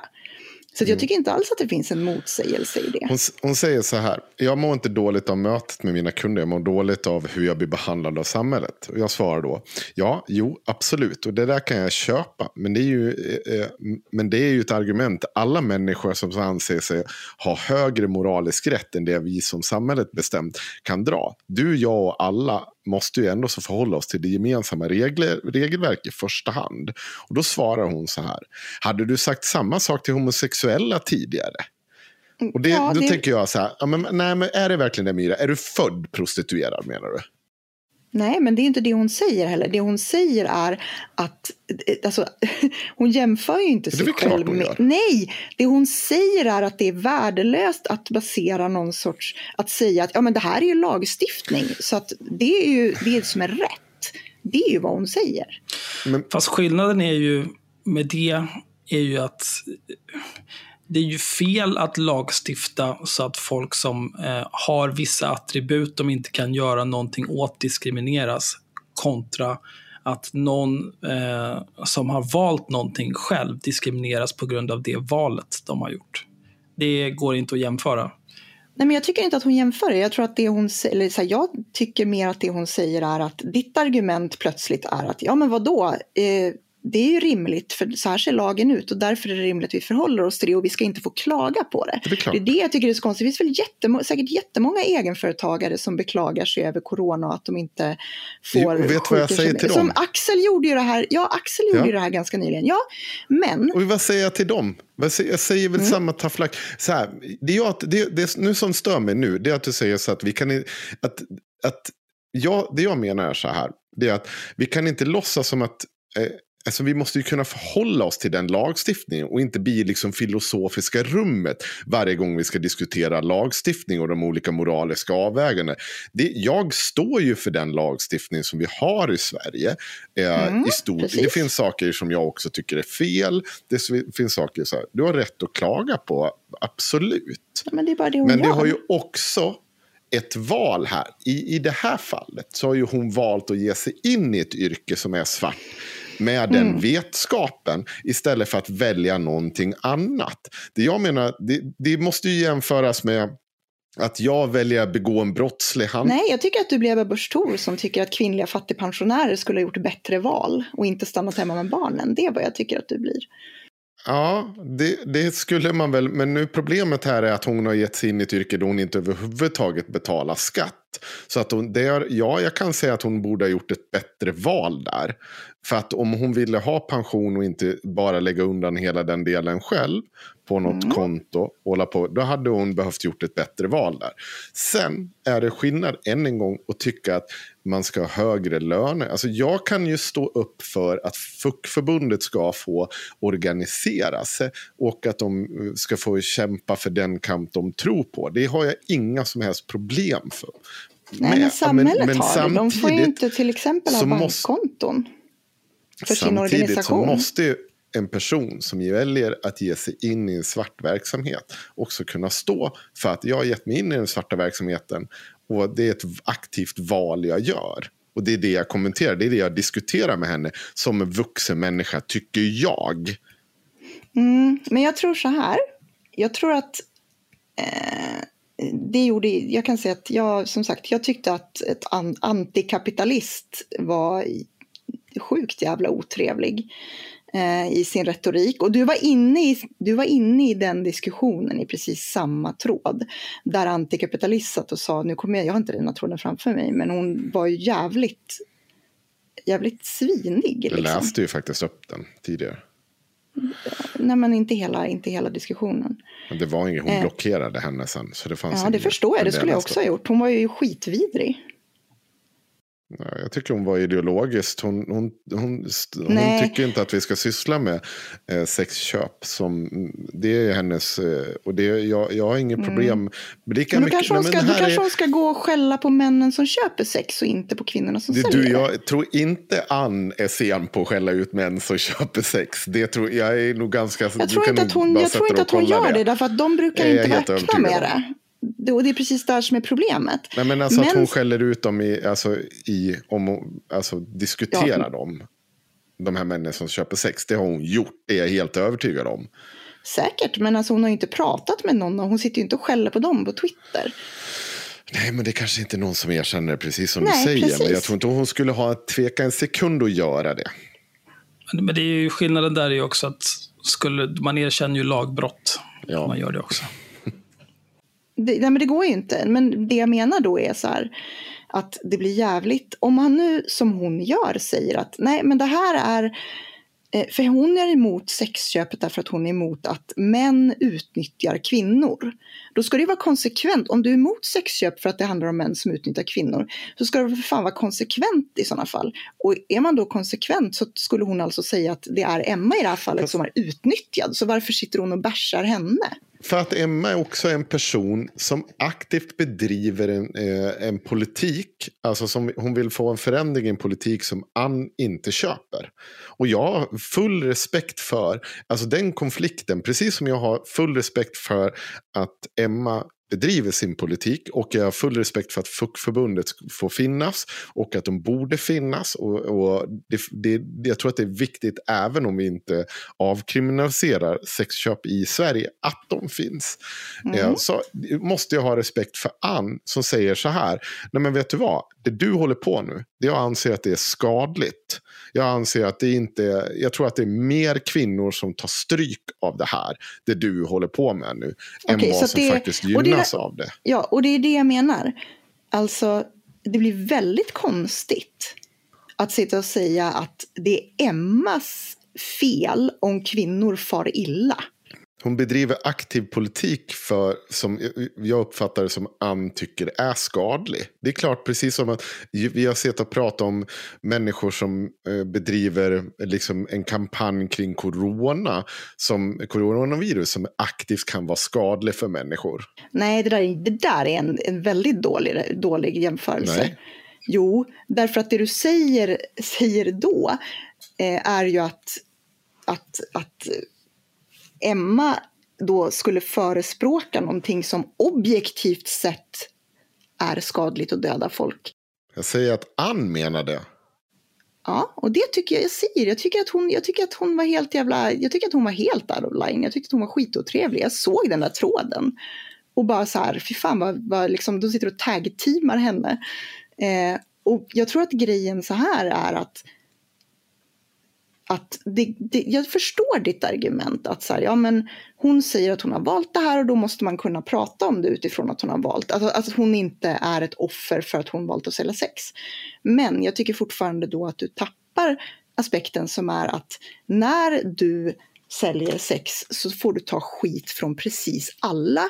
Du är fråntagen väldigt många saker som andra i samhället får jag vet ju hur jävla sliten jag blir av att gå ut och säga eh, ja, men gå ut och säga så här, ja men sexköpslagen är inte så här superbra alla gånger. Vi kanske ska titta lite grann på om vi kan göra den bättre eller om vi liksom, vad vi kan göra för att skydda människor som eh, håller på med det här. Och jag vet, alltså jag vet hur jävla mycket kränkande skit jag får när jag gör det. Och så tänker jag mig då hur mycket jobbigare det skulle vara om jag hade skin in the game. Om det var så att, att de här människorna pratade om mig. Alltså att de pratade om någonting som var jag. Jag blir bara anklagad för att vara köpt av torsklobbyn. Jag blir inte liksom tillsagd att ah, det du gör skadar kvinnor. Du fattar? Alltså det, det här är hennes vardag. Det här är liksom hennes jobb. Men, men det har hon ju också valt. Ja, Ja, absolut. Det, det har hon. Men jag säger bara så här, jag säger att jag tror att det blir väldigt svårt att säga ja men du har ju sagt att det här är ett val, så det betyder ju att jag ska kunna bemöta dig precis som att jag bemöter, precis som jag bemöter alla andra som väljer att vara egenföretagare. Därför att hennes tillvaro är inte som alla andra egenföretagares. Men Myra, hon bedriver en politik. Alltså det, det, här, det här är väldigt, väldigt viktigt att kunna säga. Alltså, om du ger dig in i en aktiv politisk diskussion där du kräver annan lagstiftning. Mm. I det här fallet så menar motståndarsidan att den här lagstiftningen är skadlig för kvinnor. Det kommer vara tufft att ge sig in i den. Men det, det får man nog fan ta. Alltså, jag, jag, det finns inte så mycket. Hade, ha, jag hade köpt ditt argument, det du la upp just nu, om det handlade om eh, Elin 23 år eh, från Falun som bara går och prostituerar sig på gatan. Har liksom ingen diskussion om någon politik överhuvudtaget. Och, och så sitter det någon bara och bärsar på henne. Ja, du gör ju så att kvinnor mår dåligt. Och liksom, det är bara sparka på någon som ligger. I det här fallet har vi en aktiv opinionsbildare som har valt att vara helt öppen med vad hon är, med sin politik. Och... Just nu, fast just nu så är de väl inte så aktiv därför att de är ju typ utbrända allihopa därför att de är slut av hela... Då får, då får man ju så här, om, om det handlar om, om, då får man ju faktiskt sjukskriva sig då, då eller liksom hålla sig borta ifrån den offentliga debatten. För det var Fast hennes det första inlägg. Hennes första inlägg handlade om politik. Det var därför Ann svarade henne. Så om hon valde att ge sig in i debatten, då får hon debatten tåla. Och jag tycker nog inte eh, som dig att det var så jävla hårt. Jag tycker att Ann var ganska tydlig med sin ståndpunkt. Eh, jag tyckte att Emma drog på sig en offerkofta. Jag tror att hon behöver hantera den här typen av argument om hon ska vinna hem debatten om avkriminalisering. Det är vad jag tror. Och jag kände att definitivt, jag har följt henne för att faktiskt lära mig om det här. Jag var inte beredd på den typen av offerkofta hon skulle dra på sig. Jag tänkte att nu fan, det här är ju inte, det här blir ju inte bra. Och det kändes så här, jag kommer inte avfölja, jag kommer inte bete mig som en bebis. För jag kommer fortsätta vara intresserad av att lyssna på henne. Men det, det kändes som att det här kommer du inte vinna några politiska matcher på. För att det Fast... kommer vara bra mycket tuffare om du ska få igenom den lagstiftning som du vill få igenom. Jo, fast då är, det, då är hon ju i ett annat läge. Har du en lagstiftning, hade vi, hade vi en lagstiftning som, eh, som hon inte upplevde diskriminerade henne på ett orättvist sätt, så hade hon ju förmodligen inte heller blivit så defensiv. Hon är inte diskriminerad. Det är hon väl? Det, nej, hon är inte diskriminerad. Men jag menar nog att du... objektivt är hon inte diskriminerad. Jag, jag är nog böjd att hålla med om att det inte är diskriminering riktigt. Men alltså om man jämför med liksom andra här, bara för att hon har valt det. Att hon, alltså, det är inte så att diskriminering bara handlar om så här. Alltså, definitionen av diskriminering är ju när personer behandlas på eh, ett annat sätt eh, utan bra anledning. I det här fallet så är det liksom en person som inte har samma rättigheter fast, och det här är viktigt, fast hon inte sysslar med, hon gör ingenting olagligt enligt lagen. Jag hade köpt det här. Jag hade köpt ditt argument rakt av om det var så att vi hade en lag som sa att det var olagligt att sälja sex. Nu är problemet att vi har en lagstiftning som vi säger så här, men det här är jättebra för vi straffar inte eh, de som säljer sex utan vi straffar de som köper sex. Men det gör vi ju inte. Vi straffar ju också de som säljer sex ja, genom du, till exempel det här. Det du menar är ett straff här, det är att de inte kan arbeta som det här. Jag, jag vill nog hävda att det inte riktigt är ett straff. Det handlar bara om att eh, vi kan, du, du, kan diskutera om det som att det är en dålig politik. Men ett straff är det inte. Utan det säger bara att du får inte jobba vitt med den här typen av yrke.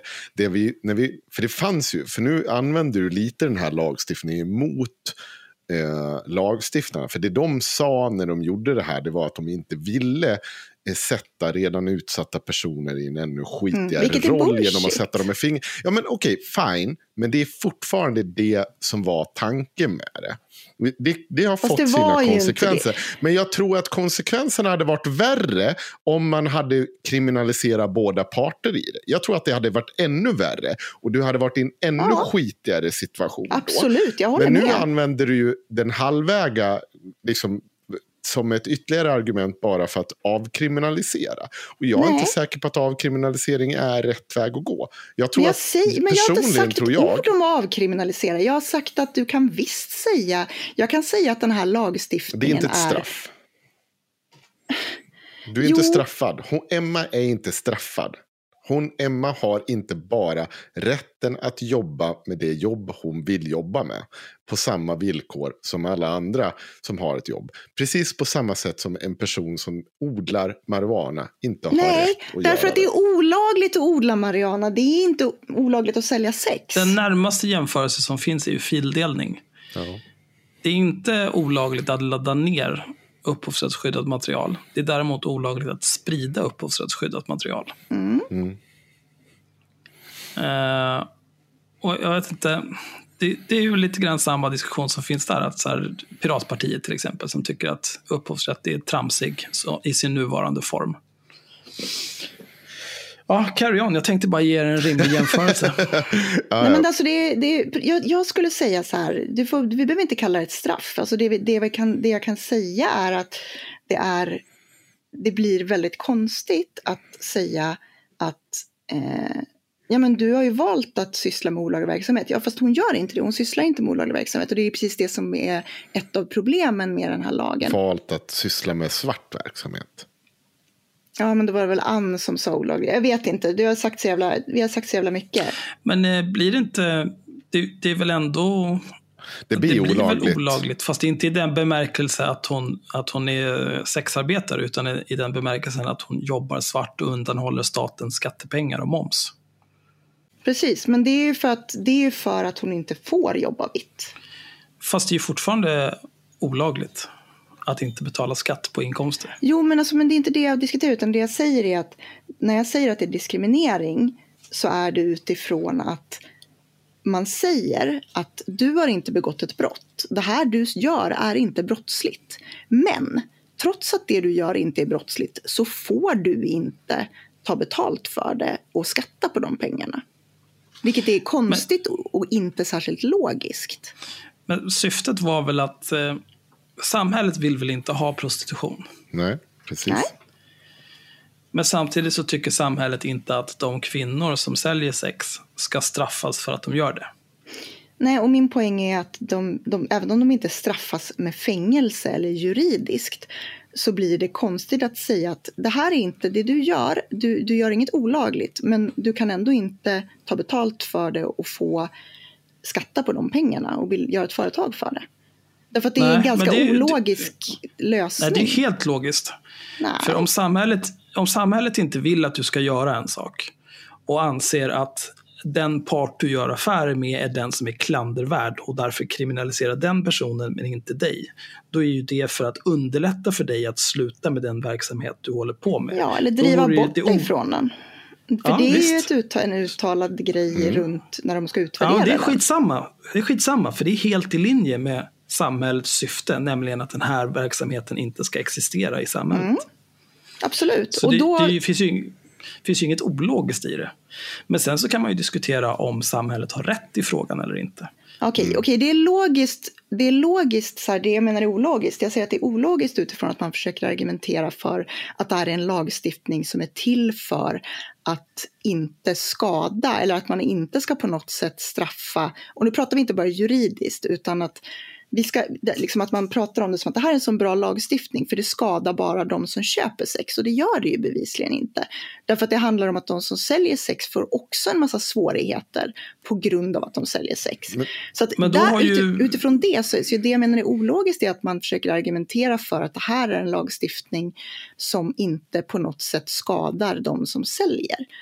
Eh, då får man ju säga istället att så här, ja, hade man varit ärlig i det här, för det är det jag håller med dig om, att här, ja, det är helt fullt logiskt, därför att det man kan göra då är att ja, men vi vill inte sätta dem i fängelse för att de gör det här, men det är ju bra om det är besvärligt för dem så att de väljer bort det. Men det vill man ju inte säga. Fast man har ju gjort det lättare för dem eftersom man inte riskerar någon typ av straff längre. Men sen är det också, eh, om det då är så att oavsett om det är för att personen in, inte känner sig ha några andra val än att sälja sex eller om personen har valt att sälja sex. Då är i så fall, eh, då behöver ju samhället kunna erbjuda någon typ av eh, bättre alternativ. Mm. Framförallt för de som känner att de inte har något val. Om man, om man antar då att det finns personer som den här Emma, då får man väl anta, som har valt det här och tycker att det här är bra och det är det de vill göra. Ja, då, då får man liksom då får man liksom leva med att man inte passar in i samhällets ram.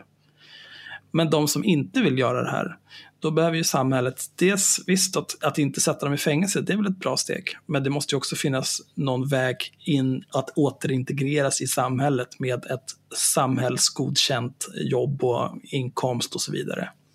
Och det är väl kanske där bristen ligger i så fall. Jag ska, får jag säga en sak också? att Jag vill, vill inte gå in på övrig diskussion kring eh, själva avkriminaliseringsdiskussionen. Men det Ann säger, hon säger så här, jobba svart och lipa över att du inte får ta del av det skattefinansierade sjukvårdssystemet. Hur vore det om du la undan dina svarta pengar för att täcka dina egna kostnader? När du ändå valt att vara utanför systemet. Notera nu att hon säger ingenting om att det är olagligt. Ann säger att det är svart. Hon återkommer också till att eftersom samhället har kriminaliserat kunden i din verksamhet Eh, och så pratar hon om att vi måste följa lagstiftning. Jag kan också säga så här, när du tar upp det, eh, just själva, eh, själva lagstiftningen.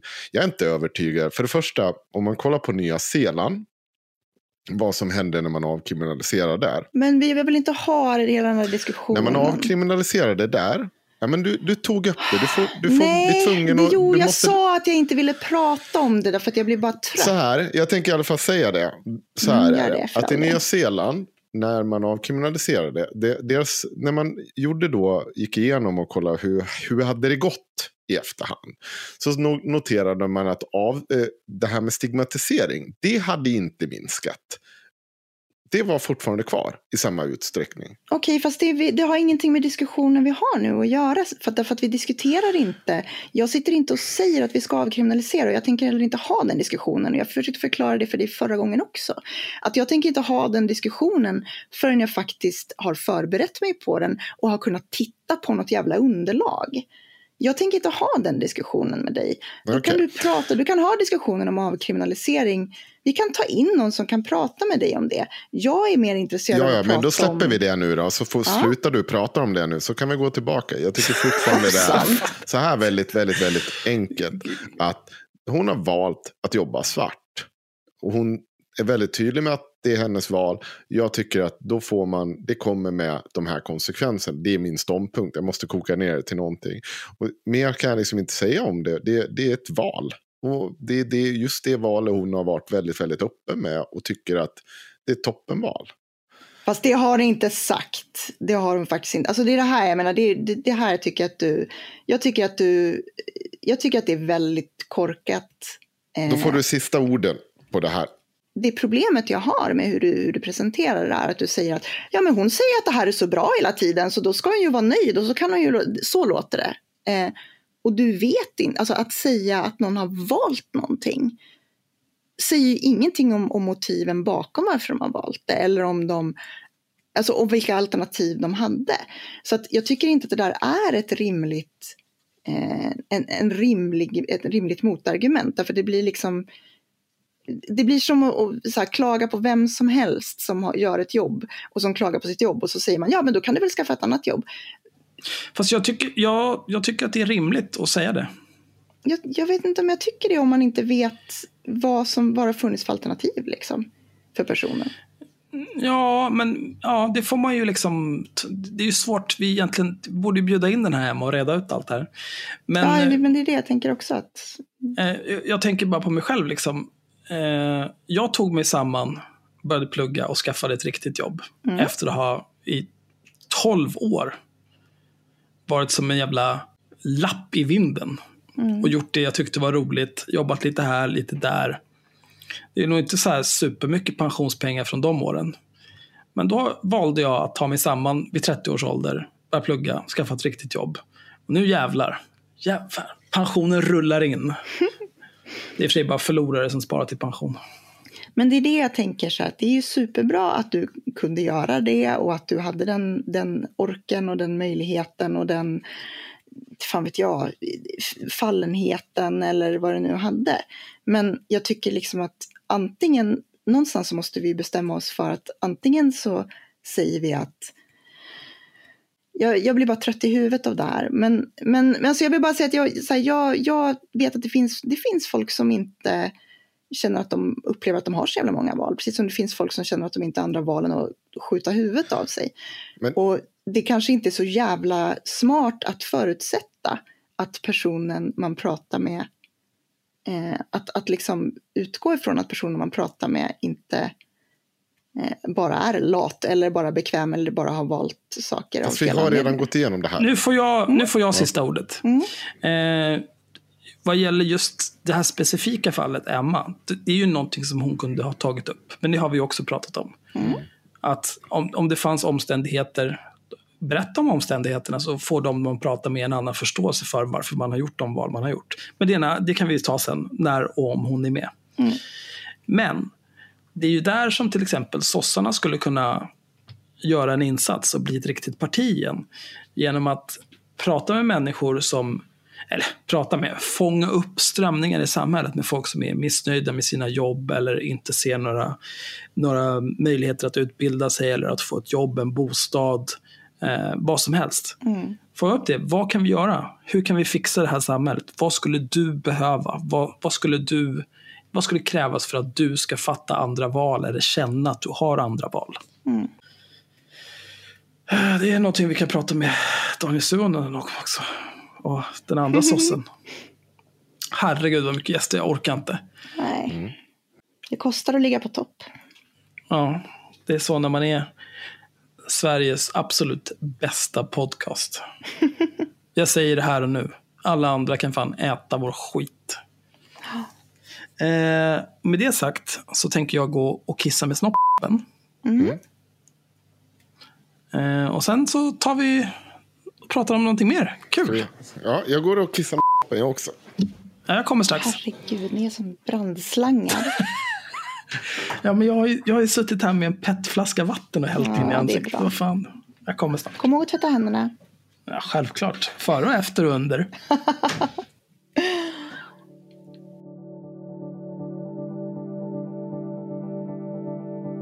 Axel tillbaka? Nej, han gick ju precis. Han ska ju tvätta händerna.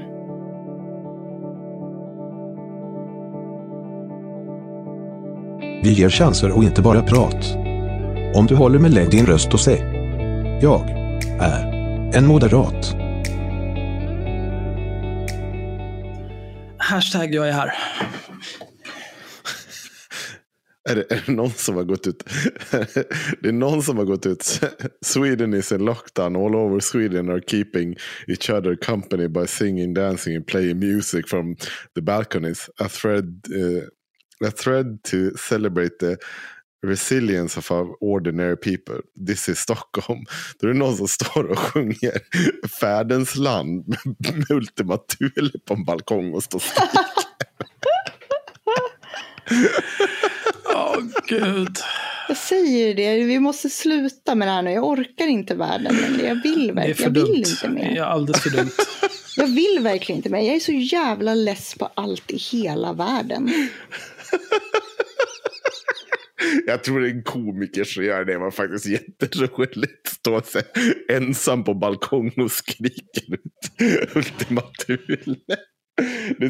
Det är, så, här jag föreställer mig när SD har tagit makten och vi får coronavirus. Då, då, då är det det här som händer. Ja, då är det verkligen flaggviftande. Om vi ska gå tillbaka till vad Malcolm sa. Plötsligt händer det. Mm. Eh, jag, vill, Ja, vad vill du prata om, Axel? jag, vill, jag vill slå ett slag för att dricka vatten. Ja, oj. Mm. Tänk så här, kära lyssnare. Eh, ponera att du skulle ha... Du sitter vid ett bord. På bordet så står två glas. Ett av dem är fullt med kranvatten och det andra är fullt med ditt kiss. Det enda sättet du ska kunna skilja dem åt utan att smaka är på temperaturen på glaset. Drick mycket vatten. Mhm. Om... Eh, Så mycket vatten tror jag inte man ska dricka väl? jo då. Nej. Jo då. Du behöver dricka supermycket innan du drunknar. Ja. Eh, Men om, om ditt eh, kiss går i solnedgångens alla färger, då dricker du för lite vatten. Mm. Det, var, det är mitt bidrag. Starkt. Ja, Väldigt jag. starkt och modigt uttalande. Ja, jag vill bara säga att det är väldigt modigt av er att ha med mig i den här podden. Mm. Det måste jag ändå säga. Vi har ju lyckats eh, uppröra eh, Navid Modiri enormt mycket. Åh nej. Du kanske inte har lyssnat på inledningen på avsnittet när han pratar i tio minuter om hur hemska vi är. Och tar avstånd. Eh, ja, nej, jag vet inte. Det känns extremt töntigt. Särskilt med tanke på vad han haft för andra gäster som han inte kände behov av att ta avstånd från på förhand. Nej, det var någon som påpekade det också. Att, att det, blev, det, blev väldigt, det blev väldigt lång monolog i början där om att vi sitter och kallar folk fitta och orunge och det, det är inte alls konstruktivt och sådär. Han antyder, antydde även någonting om att han ville prata med mig när jag inte eh, när, när jag inte var med er. Och så drog han en parallell till så här, ja men jag hade, jag, jag kommer inte ihåg exakt vad han sa, men så här, Han jag hade en kompis på högstadiet. som var mobbare. Men jag, jag orkar inte lyssna på det, jag tänkte tio minuter, orkar vi lyssna på hela? Nej, det är inte tio minuter. Nej, det behöver inte spela upp det. Det är inte tio minuter. Det jag har spolat fram här och Ah, grejer okej. här. Jag har bara timestamps på när vi pratar om det sen, för han, tar ju faktiskt, han ändrar sig ju faktiskt sen under, under samtalet och det tycker jag att vi ska ge honom om vi nu ska prata om det. Men du kan få spela upp vad han säger. Ja.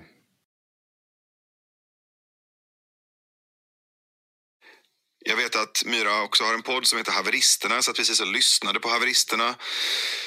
Ehm, och samtidigt läste jag på Myras blogg att hon önskar sig ett eh, smartare och lite mer civiliserat och kanske till och med tråkigare debattklimat under 2020. Jag tror inte jag sa Eh, civiliserat. Och samtidigt lyssnar jag på haveristerna som är så långt ifrån tråkigt och, och, och civiliserat och smart. Så jag kan tänka mig. Det är ganska korkad ton av och till. Även om det är människor som, som har gjort mycket research och har intellektuella resonemang så hänfaller de ganska ofta åt personliga påhopp och ganska idiotiska, brötiga tillmälen som jag tycker är långt ifrån civiliserat. Ehm, och det, det gör mig nyfiken på hur det skulle kunna bli att prata med Myra så här själv. Eh, när de andra två inte är med i samtalet. Det, det är lite som... Jag gick på högstadiet så hade jag en kompis som när, när bara vi hängde så, så var han rätt chill. Men så kom två personer som han ville framställa sig inför på ett annat sätt och då blev han ganska mobbig. Så jag är nyfiken på hur det är att prata med Myra, bara jag och Myra. För jag har pratat med Myra utan de här två andra haveristerna och det är en helt annan tonalitet. Ehm, och det tror jag För att det är en helt också annan kontext, ditt gällande jävla när CP. vi Exakt. pratar med människor vi inte håller med. Ja, ja. Han är ju så... Där är, jag, varit, jag varit riktigt jävla irriterad när jag satt och lyssnade på det. Dels så här, när, det här, du säger det också du Myra, vet jag. du påstår att vi inte är smarta i den här podden. Det är skillnad på att kunna säga fula ord och för, liksom vara eh, nedvärderande mot någon och inte vara smart samtidigt. Jag menar nog på att vi jäv, jag vill Oj. slå ett slag för att vi är fan inte obildade i den här jävla podden. Men det säger vi han sätter ju den också. sidan. Och vi, vi är faktiskt normalbegåvade. Ja. Det ska ha jävligt klart för Ja. sig. Nej men alltså, men, men vi, vi kan ju se vad vi säger. För att det ska, jag, jag hade inte hört det här, för han spelade in det här innan jag kom dit. Mm. Eh, och sen när jag skulle lyssna på avsnittet, för att grejen är att det låter helt annorlunda sen när vi sitter och pratar i avsnittet. Undrar vilka två coola mobbare han hade bakom kameran när han spelade in den där förintrot. Mm, Och sen att de gick när han satt och pratade med dig så att han blev... som blev snäll. Ja. Han låter väldigt arg. Ja, han, han lät kränkt. Ja, han låter, han låter faktiskt liksom defensiv på något vis. Men han, han, han påpekar ju faktiskt det själv. Ehm, vi ska se. Jag har, jag har två tidpunkter som vi skulle kunna lyssna på. Nämligen, eh, där han nämner precis det här att han tror att han blev lite defensiv. Vi börjar med den tidigare timestampen för jag tror att den... Ja, jag förstår det. det var som att bli DP eller trippel Ja, ja, ja. Liksom, ja. Eh, och då var vi ändå så här, jag menar, då, då, då vet jag ändå att jag pratade med honom liksom efteråt. Jag så här, Henrik Jönsson i att, det här liksom, historien. Ni var ju respektfulla. Har liksom en, en ärlighet i hur vi känner och vad vi tycker. Men den är tillspetsad. Och man märker, tycker jag också, om man tittar på avsnitt där vi har gäster eller om man tittar på när vi pratar med folk utanför eh, podden i andra rum. Liksom, att, att det finns en helt annan, ett helt annat djup som inte finns just i haveristerna. Mm, för det hör inte dit. Eh, jag kan ju sitta och liksom ha långa analys, analyser på saker men oftast så, så kanske jag gör dem någon annanstans. Vilket är precis det Eh, som du sa. Det liksom Och jag är kontext. också sådär, jag menar vi hade ju vi hade ju Cissi Wallin med i podden och det var ju en shitshow av rang och jag hade feber och var inte ens, jag var inte, inte riktigt närvarande och liksom hon och Henrik sitter och bråkar om någonting en timme och jag kände så här, det här är inte konstruktivt liksom. För att ibland så kan man fastna i det. Men när jag läser på, på, på din blogg, på din hemsida, så efterlyser du att du under 2020 skulle vilja ha lite mer men smartare debatter. Eh, och, och det hade jag svårt att få ihop med det du gör med haveristerna. Eh, jag tycker inte att det känns särskilt smart eller nej, nej. civiliserat. Haveristerna är inte smarta och Nej, civiliserade. men hur, hur, nu behöver man inte vara konsekvent som människa. Nej, smart det- och civiliserat det är är det inte. vad jag gillar med det. Att jag får inte ihop dig och det tycker jag är nice. Ja. Både Ja, men alltså det, det är det där, det är inte smart och civiliserat. Det betyder ju inte att vi, att vi inte säger, och jag säger ju det också, att så här, vi gör ju, när jag pratar om Linnea Claesson, men skitsamma, att vi gör ju, vi har ju fakta bakom det vi säger och att det är tillspetsat i tonen gör ju ingenting för innehållet. Däremot är det inte civiliserat eller konstruktivt alla gånger. Men det är ju liksom, Smart. En sak han säger flera gånger är ju eh, dels han har pratat med dig i andra sammanhang och då är det inte alls som i haveristerna. mm, Och du vill ha ett tråkigare samtal, bla bla bla. Och, men nu var titta på vad ni gör i haveristerna. Men sen vid ett annat tillfälle så säger han, eh, när han pratar om sig själv, mm, att, att eh, det, det är ju eh, någonting i stil med, det, det är ju inte som att hela jag bara är hur kan vi, utan nej. Men det är precis det, för han landar ju i att så vara typ, ja jag förstår dig. Vilket jag tycker var roligt, därför att han är så himla arg innan liksom. det är så pantat liksom att han, det, det krävs ett två timmar långt samtal för honom att inse att andra människor, i det här fallet du, är lika komplexa som han själv är. Det är så jävla fjantigt. Så här, men, men du, du har det här, varför gör du då så här här? Jag själv ser ju inte likadan hela tiden. Nej, ingen annan är det heller. Nej. Jävla galning. Nej, men jag tror att det finns, eh, jag undrar om det är det här, vi ska se. Vad kan vi enas om? Och jag håller med, fast jag skulle vända på det. Jag skulle först skapa gemensam grund och sen bråka. Men bråka om idéer och inte hoppa på personen. Det är skillnaden för mig.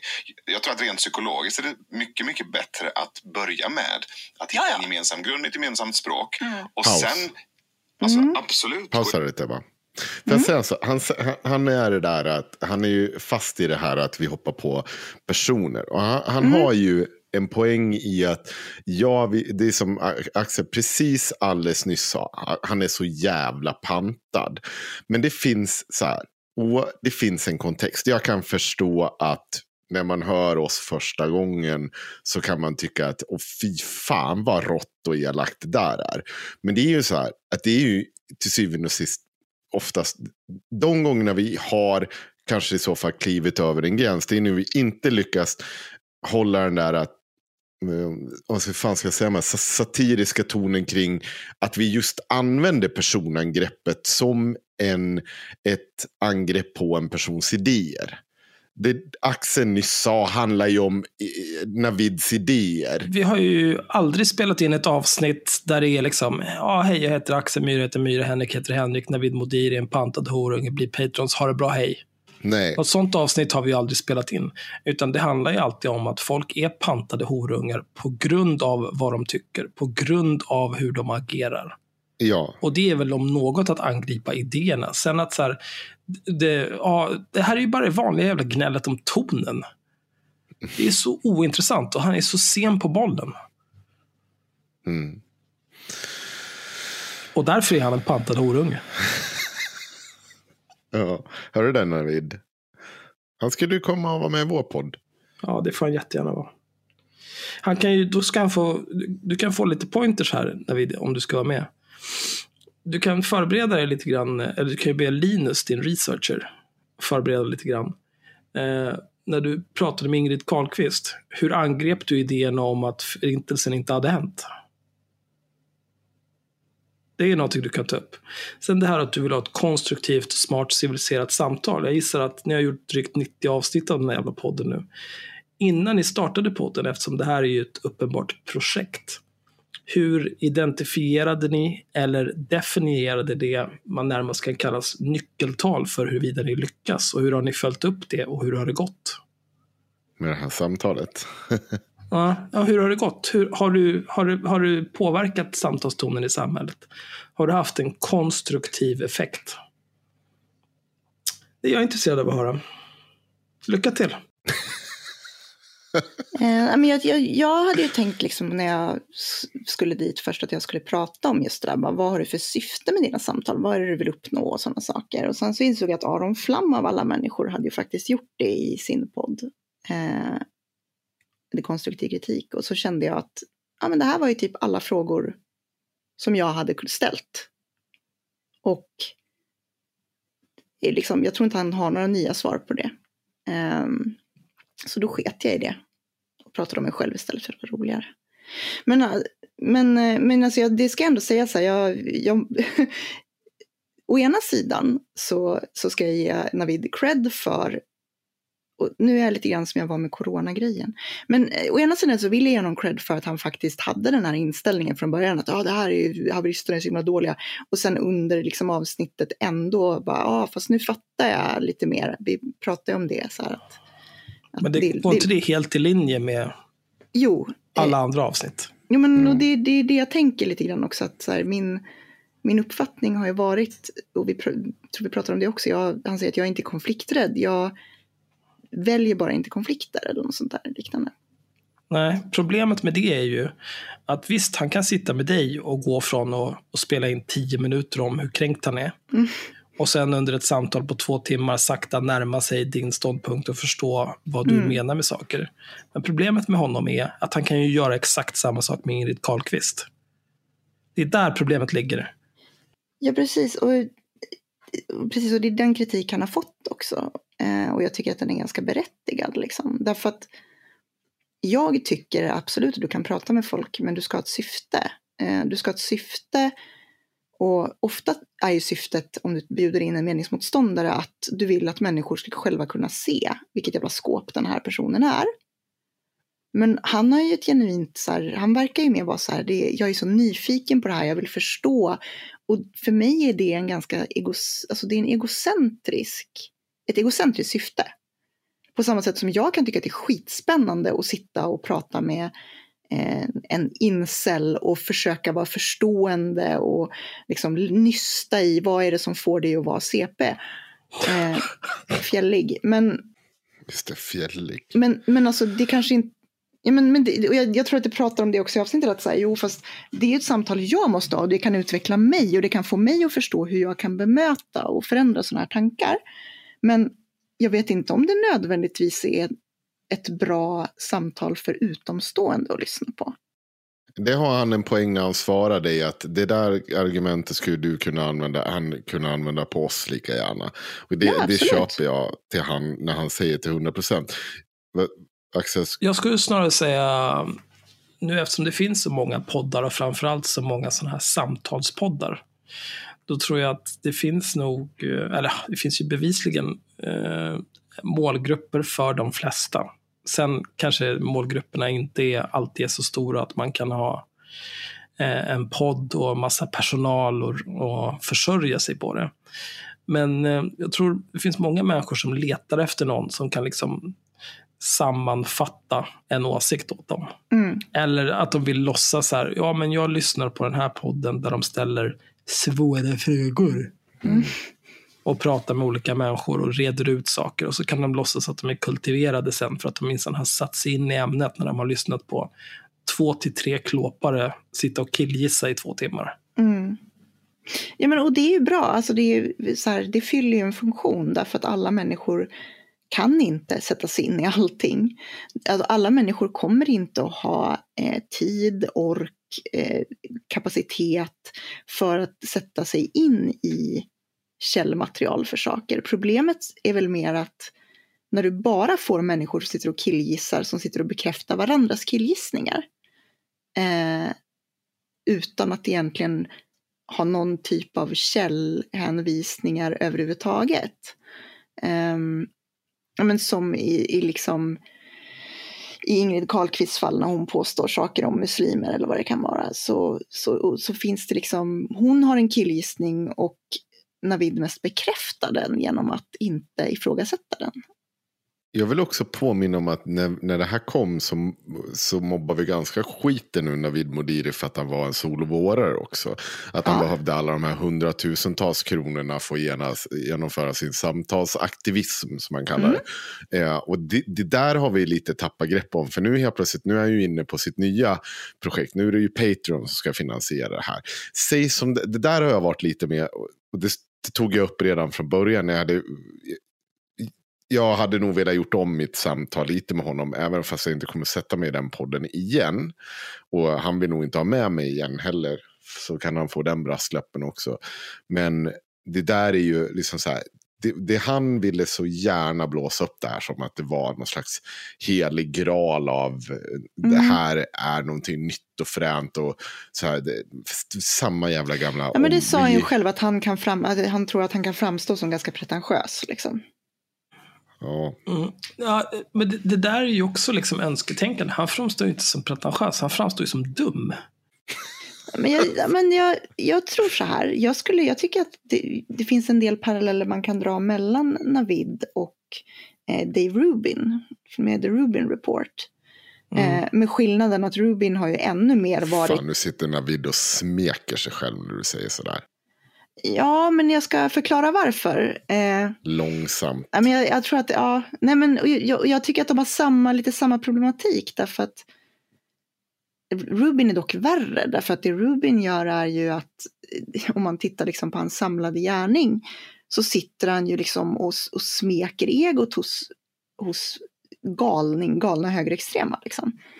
Eh, och jag tror liksom att det är någon sorts jag tror att min, min take på det är väl så här. Om du inte tänker ställa kritiska frågor, och då pratar jag inte nödvändigtvis om att du måste säga Cissi Wallin, ditt jävla skåp, varför är du en dålig feminist? Eller alltså så här, utan du pratar om kritiska frågor, så här, motfrågor, eller så här, fråga varför säger du så där, varför är det så? Eller till och med fråga, till och med fråga att frågan du ställer kommer utifrån ett syfte att du vill förklara vissa saker. För det är det du får med research, att typ om du ställer frågor till den här hypnoscharlatanen som vi spelade in Patreon-avsnitt om, så har ju du en tanke om vad du vill få ut av samtalet. Och om du sätter dig och bara plattformar nassar och inte har ett syfte med vad du vill få fram av samtalet, så blir det väldigt lätt så att, så här, vad fyller du då för funktion? För att då hade ju de lika gärna kunnat sitta två timmar själva och bara prata utan någon att prata med.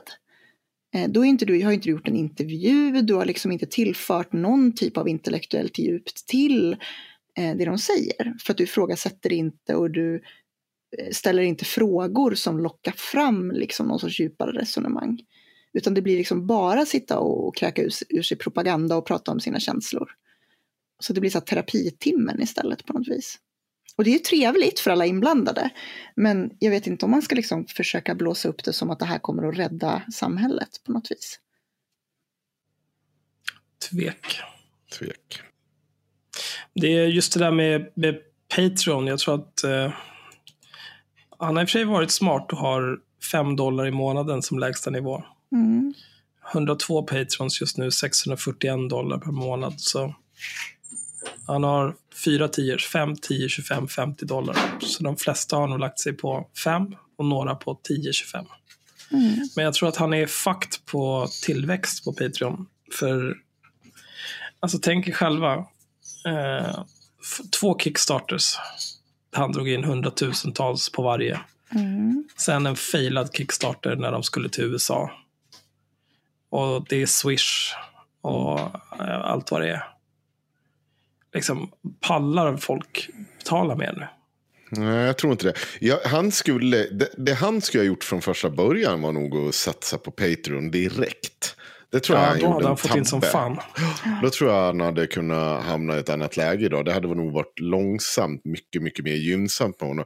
Men då hade det heller inte den här jävla Sodovora-kampanjen om att han skulle revolutionera världen med sina samtal inte funka.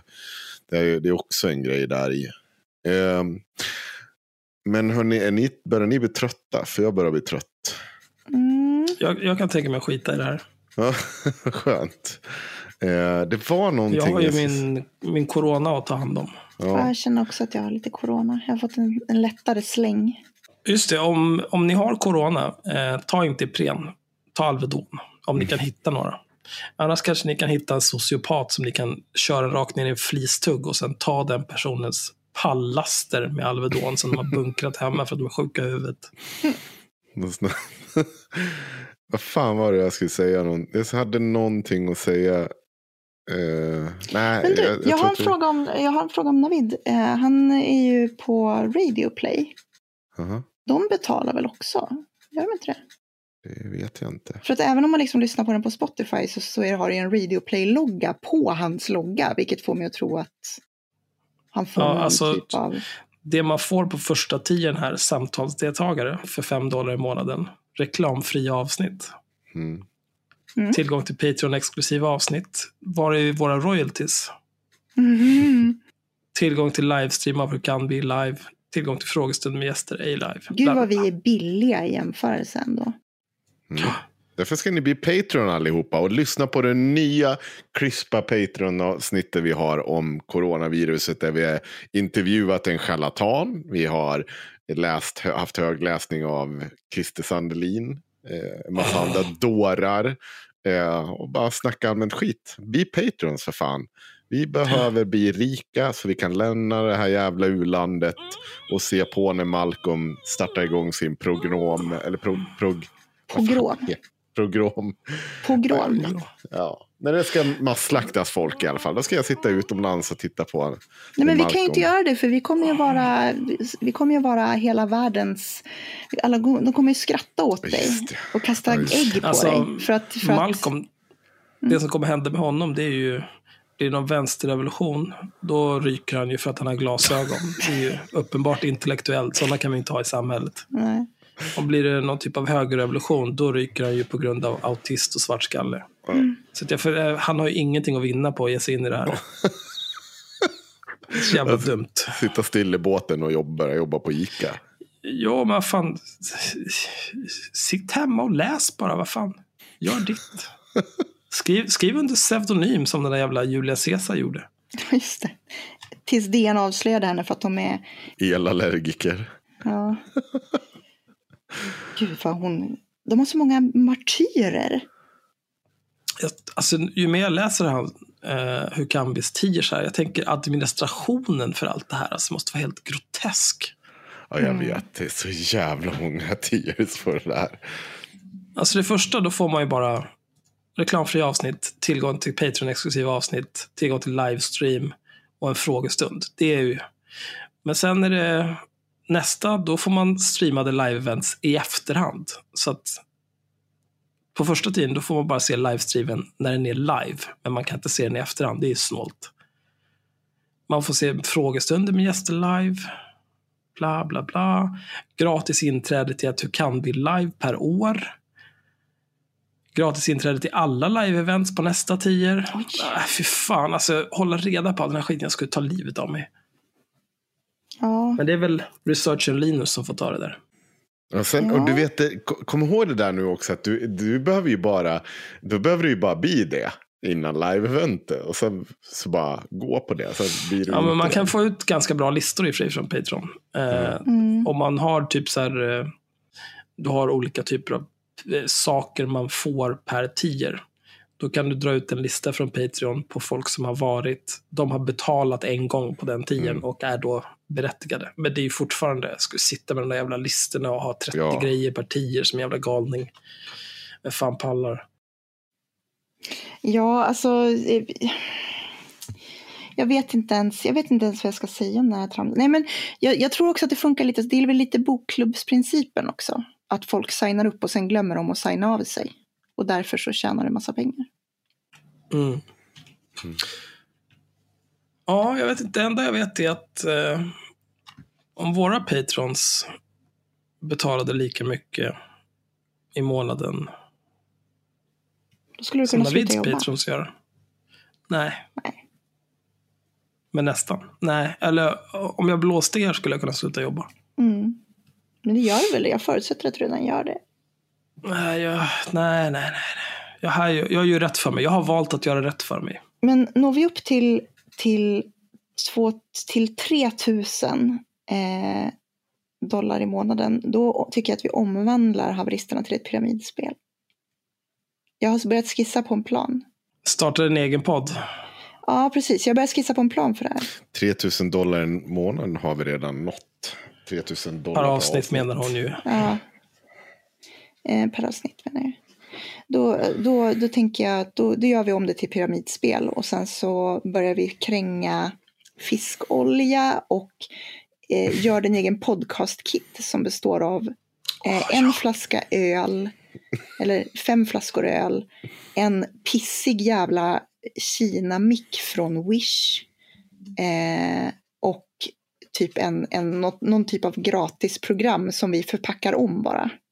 Och så säljer vi det för 5 000 kronor. Mm.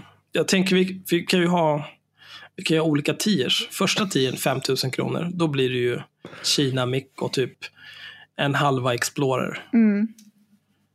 Nästa tier, då kan de få en Blue Yeti, micken vi använder nu. Mm. Eh, och kanske en hel Absolut Vodka. Ska vi säga 15 000 för den tiern? Ja. Vi kan säkert få någon sån massköpspris på, på micken också. Vi kan köpa grossistpriser. Ja. Eh, vi slänger med en toarulle om ni höjer er pledge nu. De är tydligen guld värda numera. Ja. Eh, bra. Jag måste sova. Nu Är vi måste vi klara? sova. Ja, vi Har ni något mer? Fan, jag har Nej. bara en bit choklad kvar. Eh, Lägg på. Lägg på. Lägg på. Sluta med. Eh, Och Tack tack, alla som har donerat till Barncancerinsamlingen. Ja. Stort tack till det. stort Jättefint. tack. Det har vi inte ens nämnt. ja, hur har det gått? 15 000 drog vi in. Den är inte slut än. Eh, vi har delat den på vår Facebook-sida. Så att, eh, vill ni, vi har ju satt upp en, en Ja, insamling den, till den kommer finnas här i avsnitts... Den finns i avsnittsbeskrivningen till förra avsnittet också, Ja, för det publicerades alldeles nyss. 15 000 spänn har vi dragit in. Målsättningen var fantastiskt. 5 000.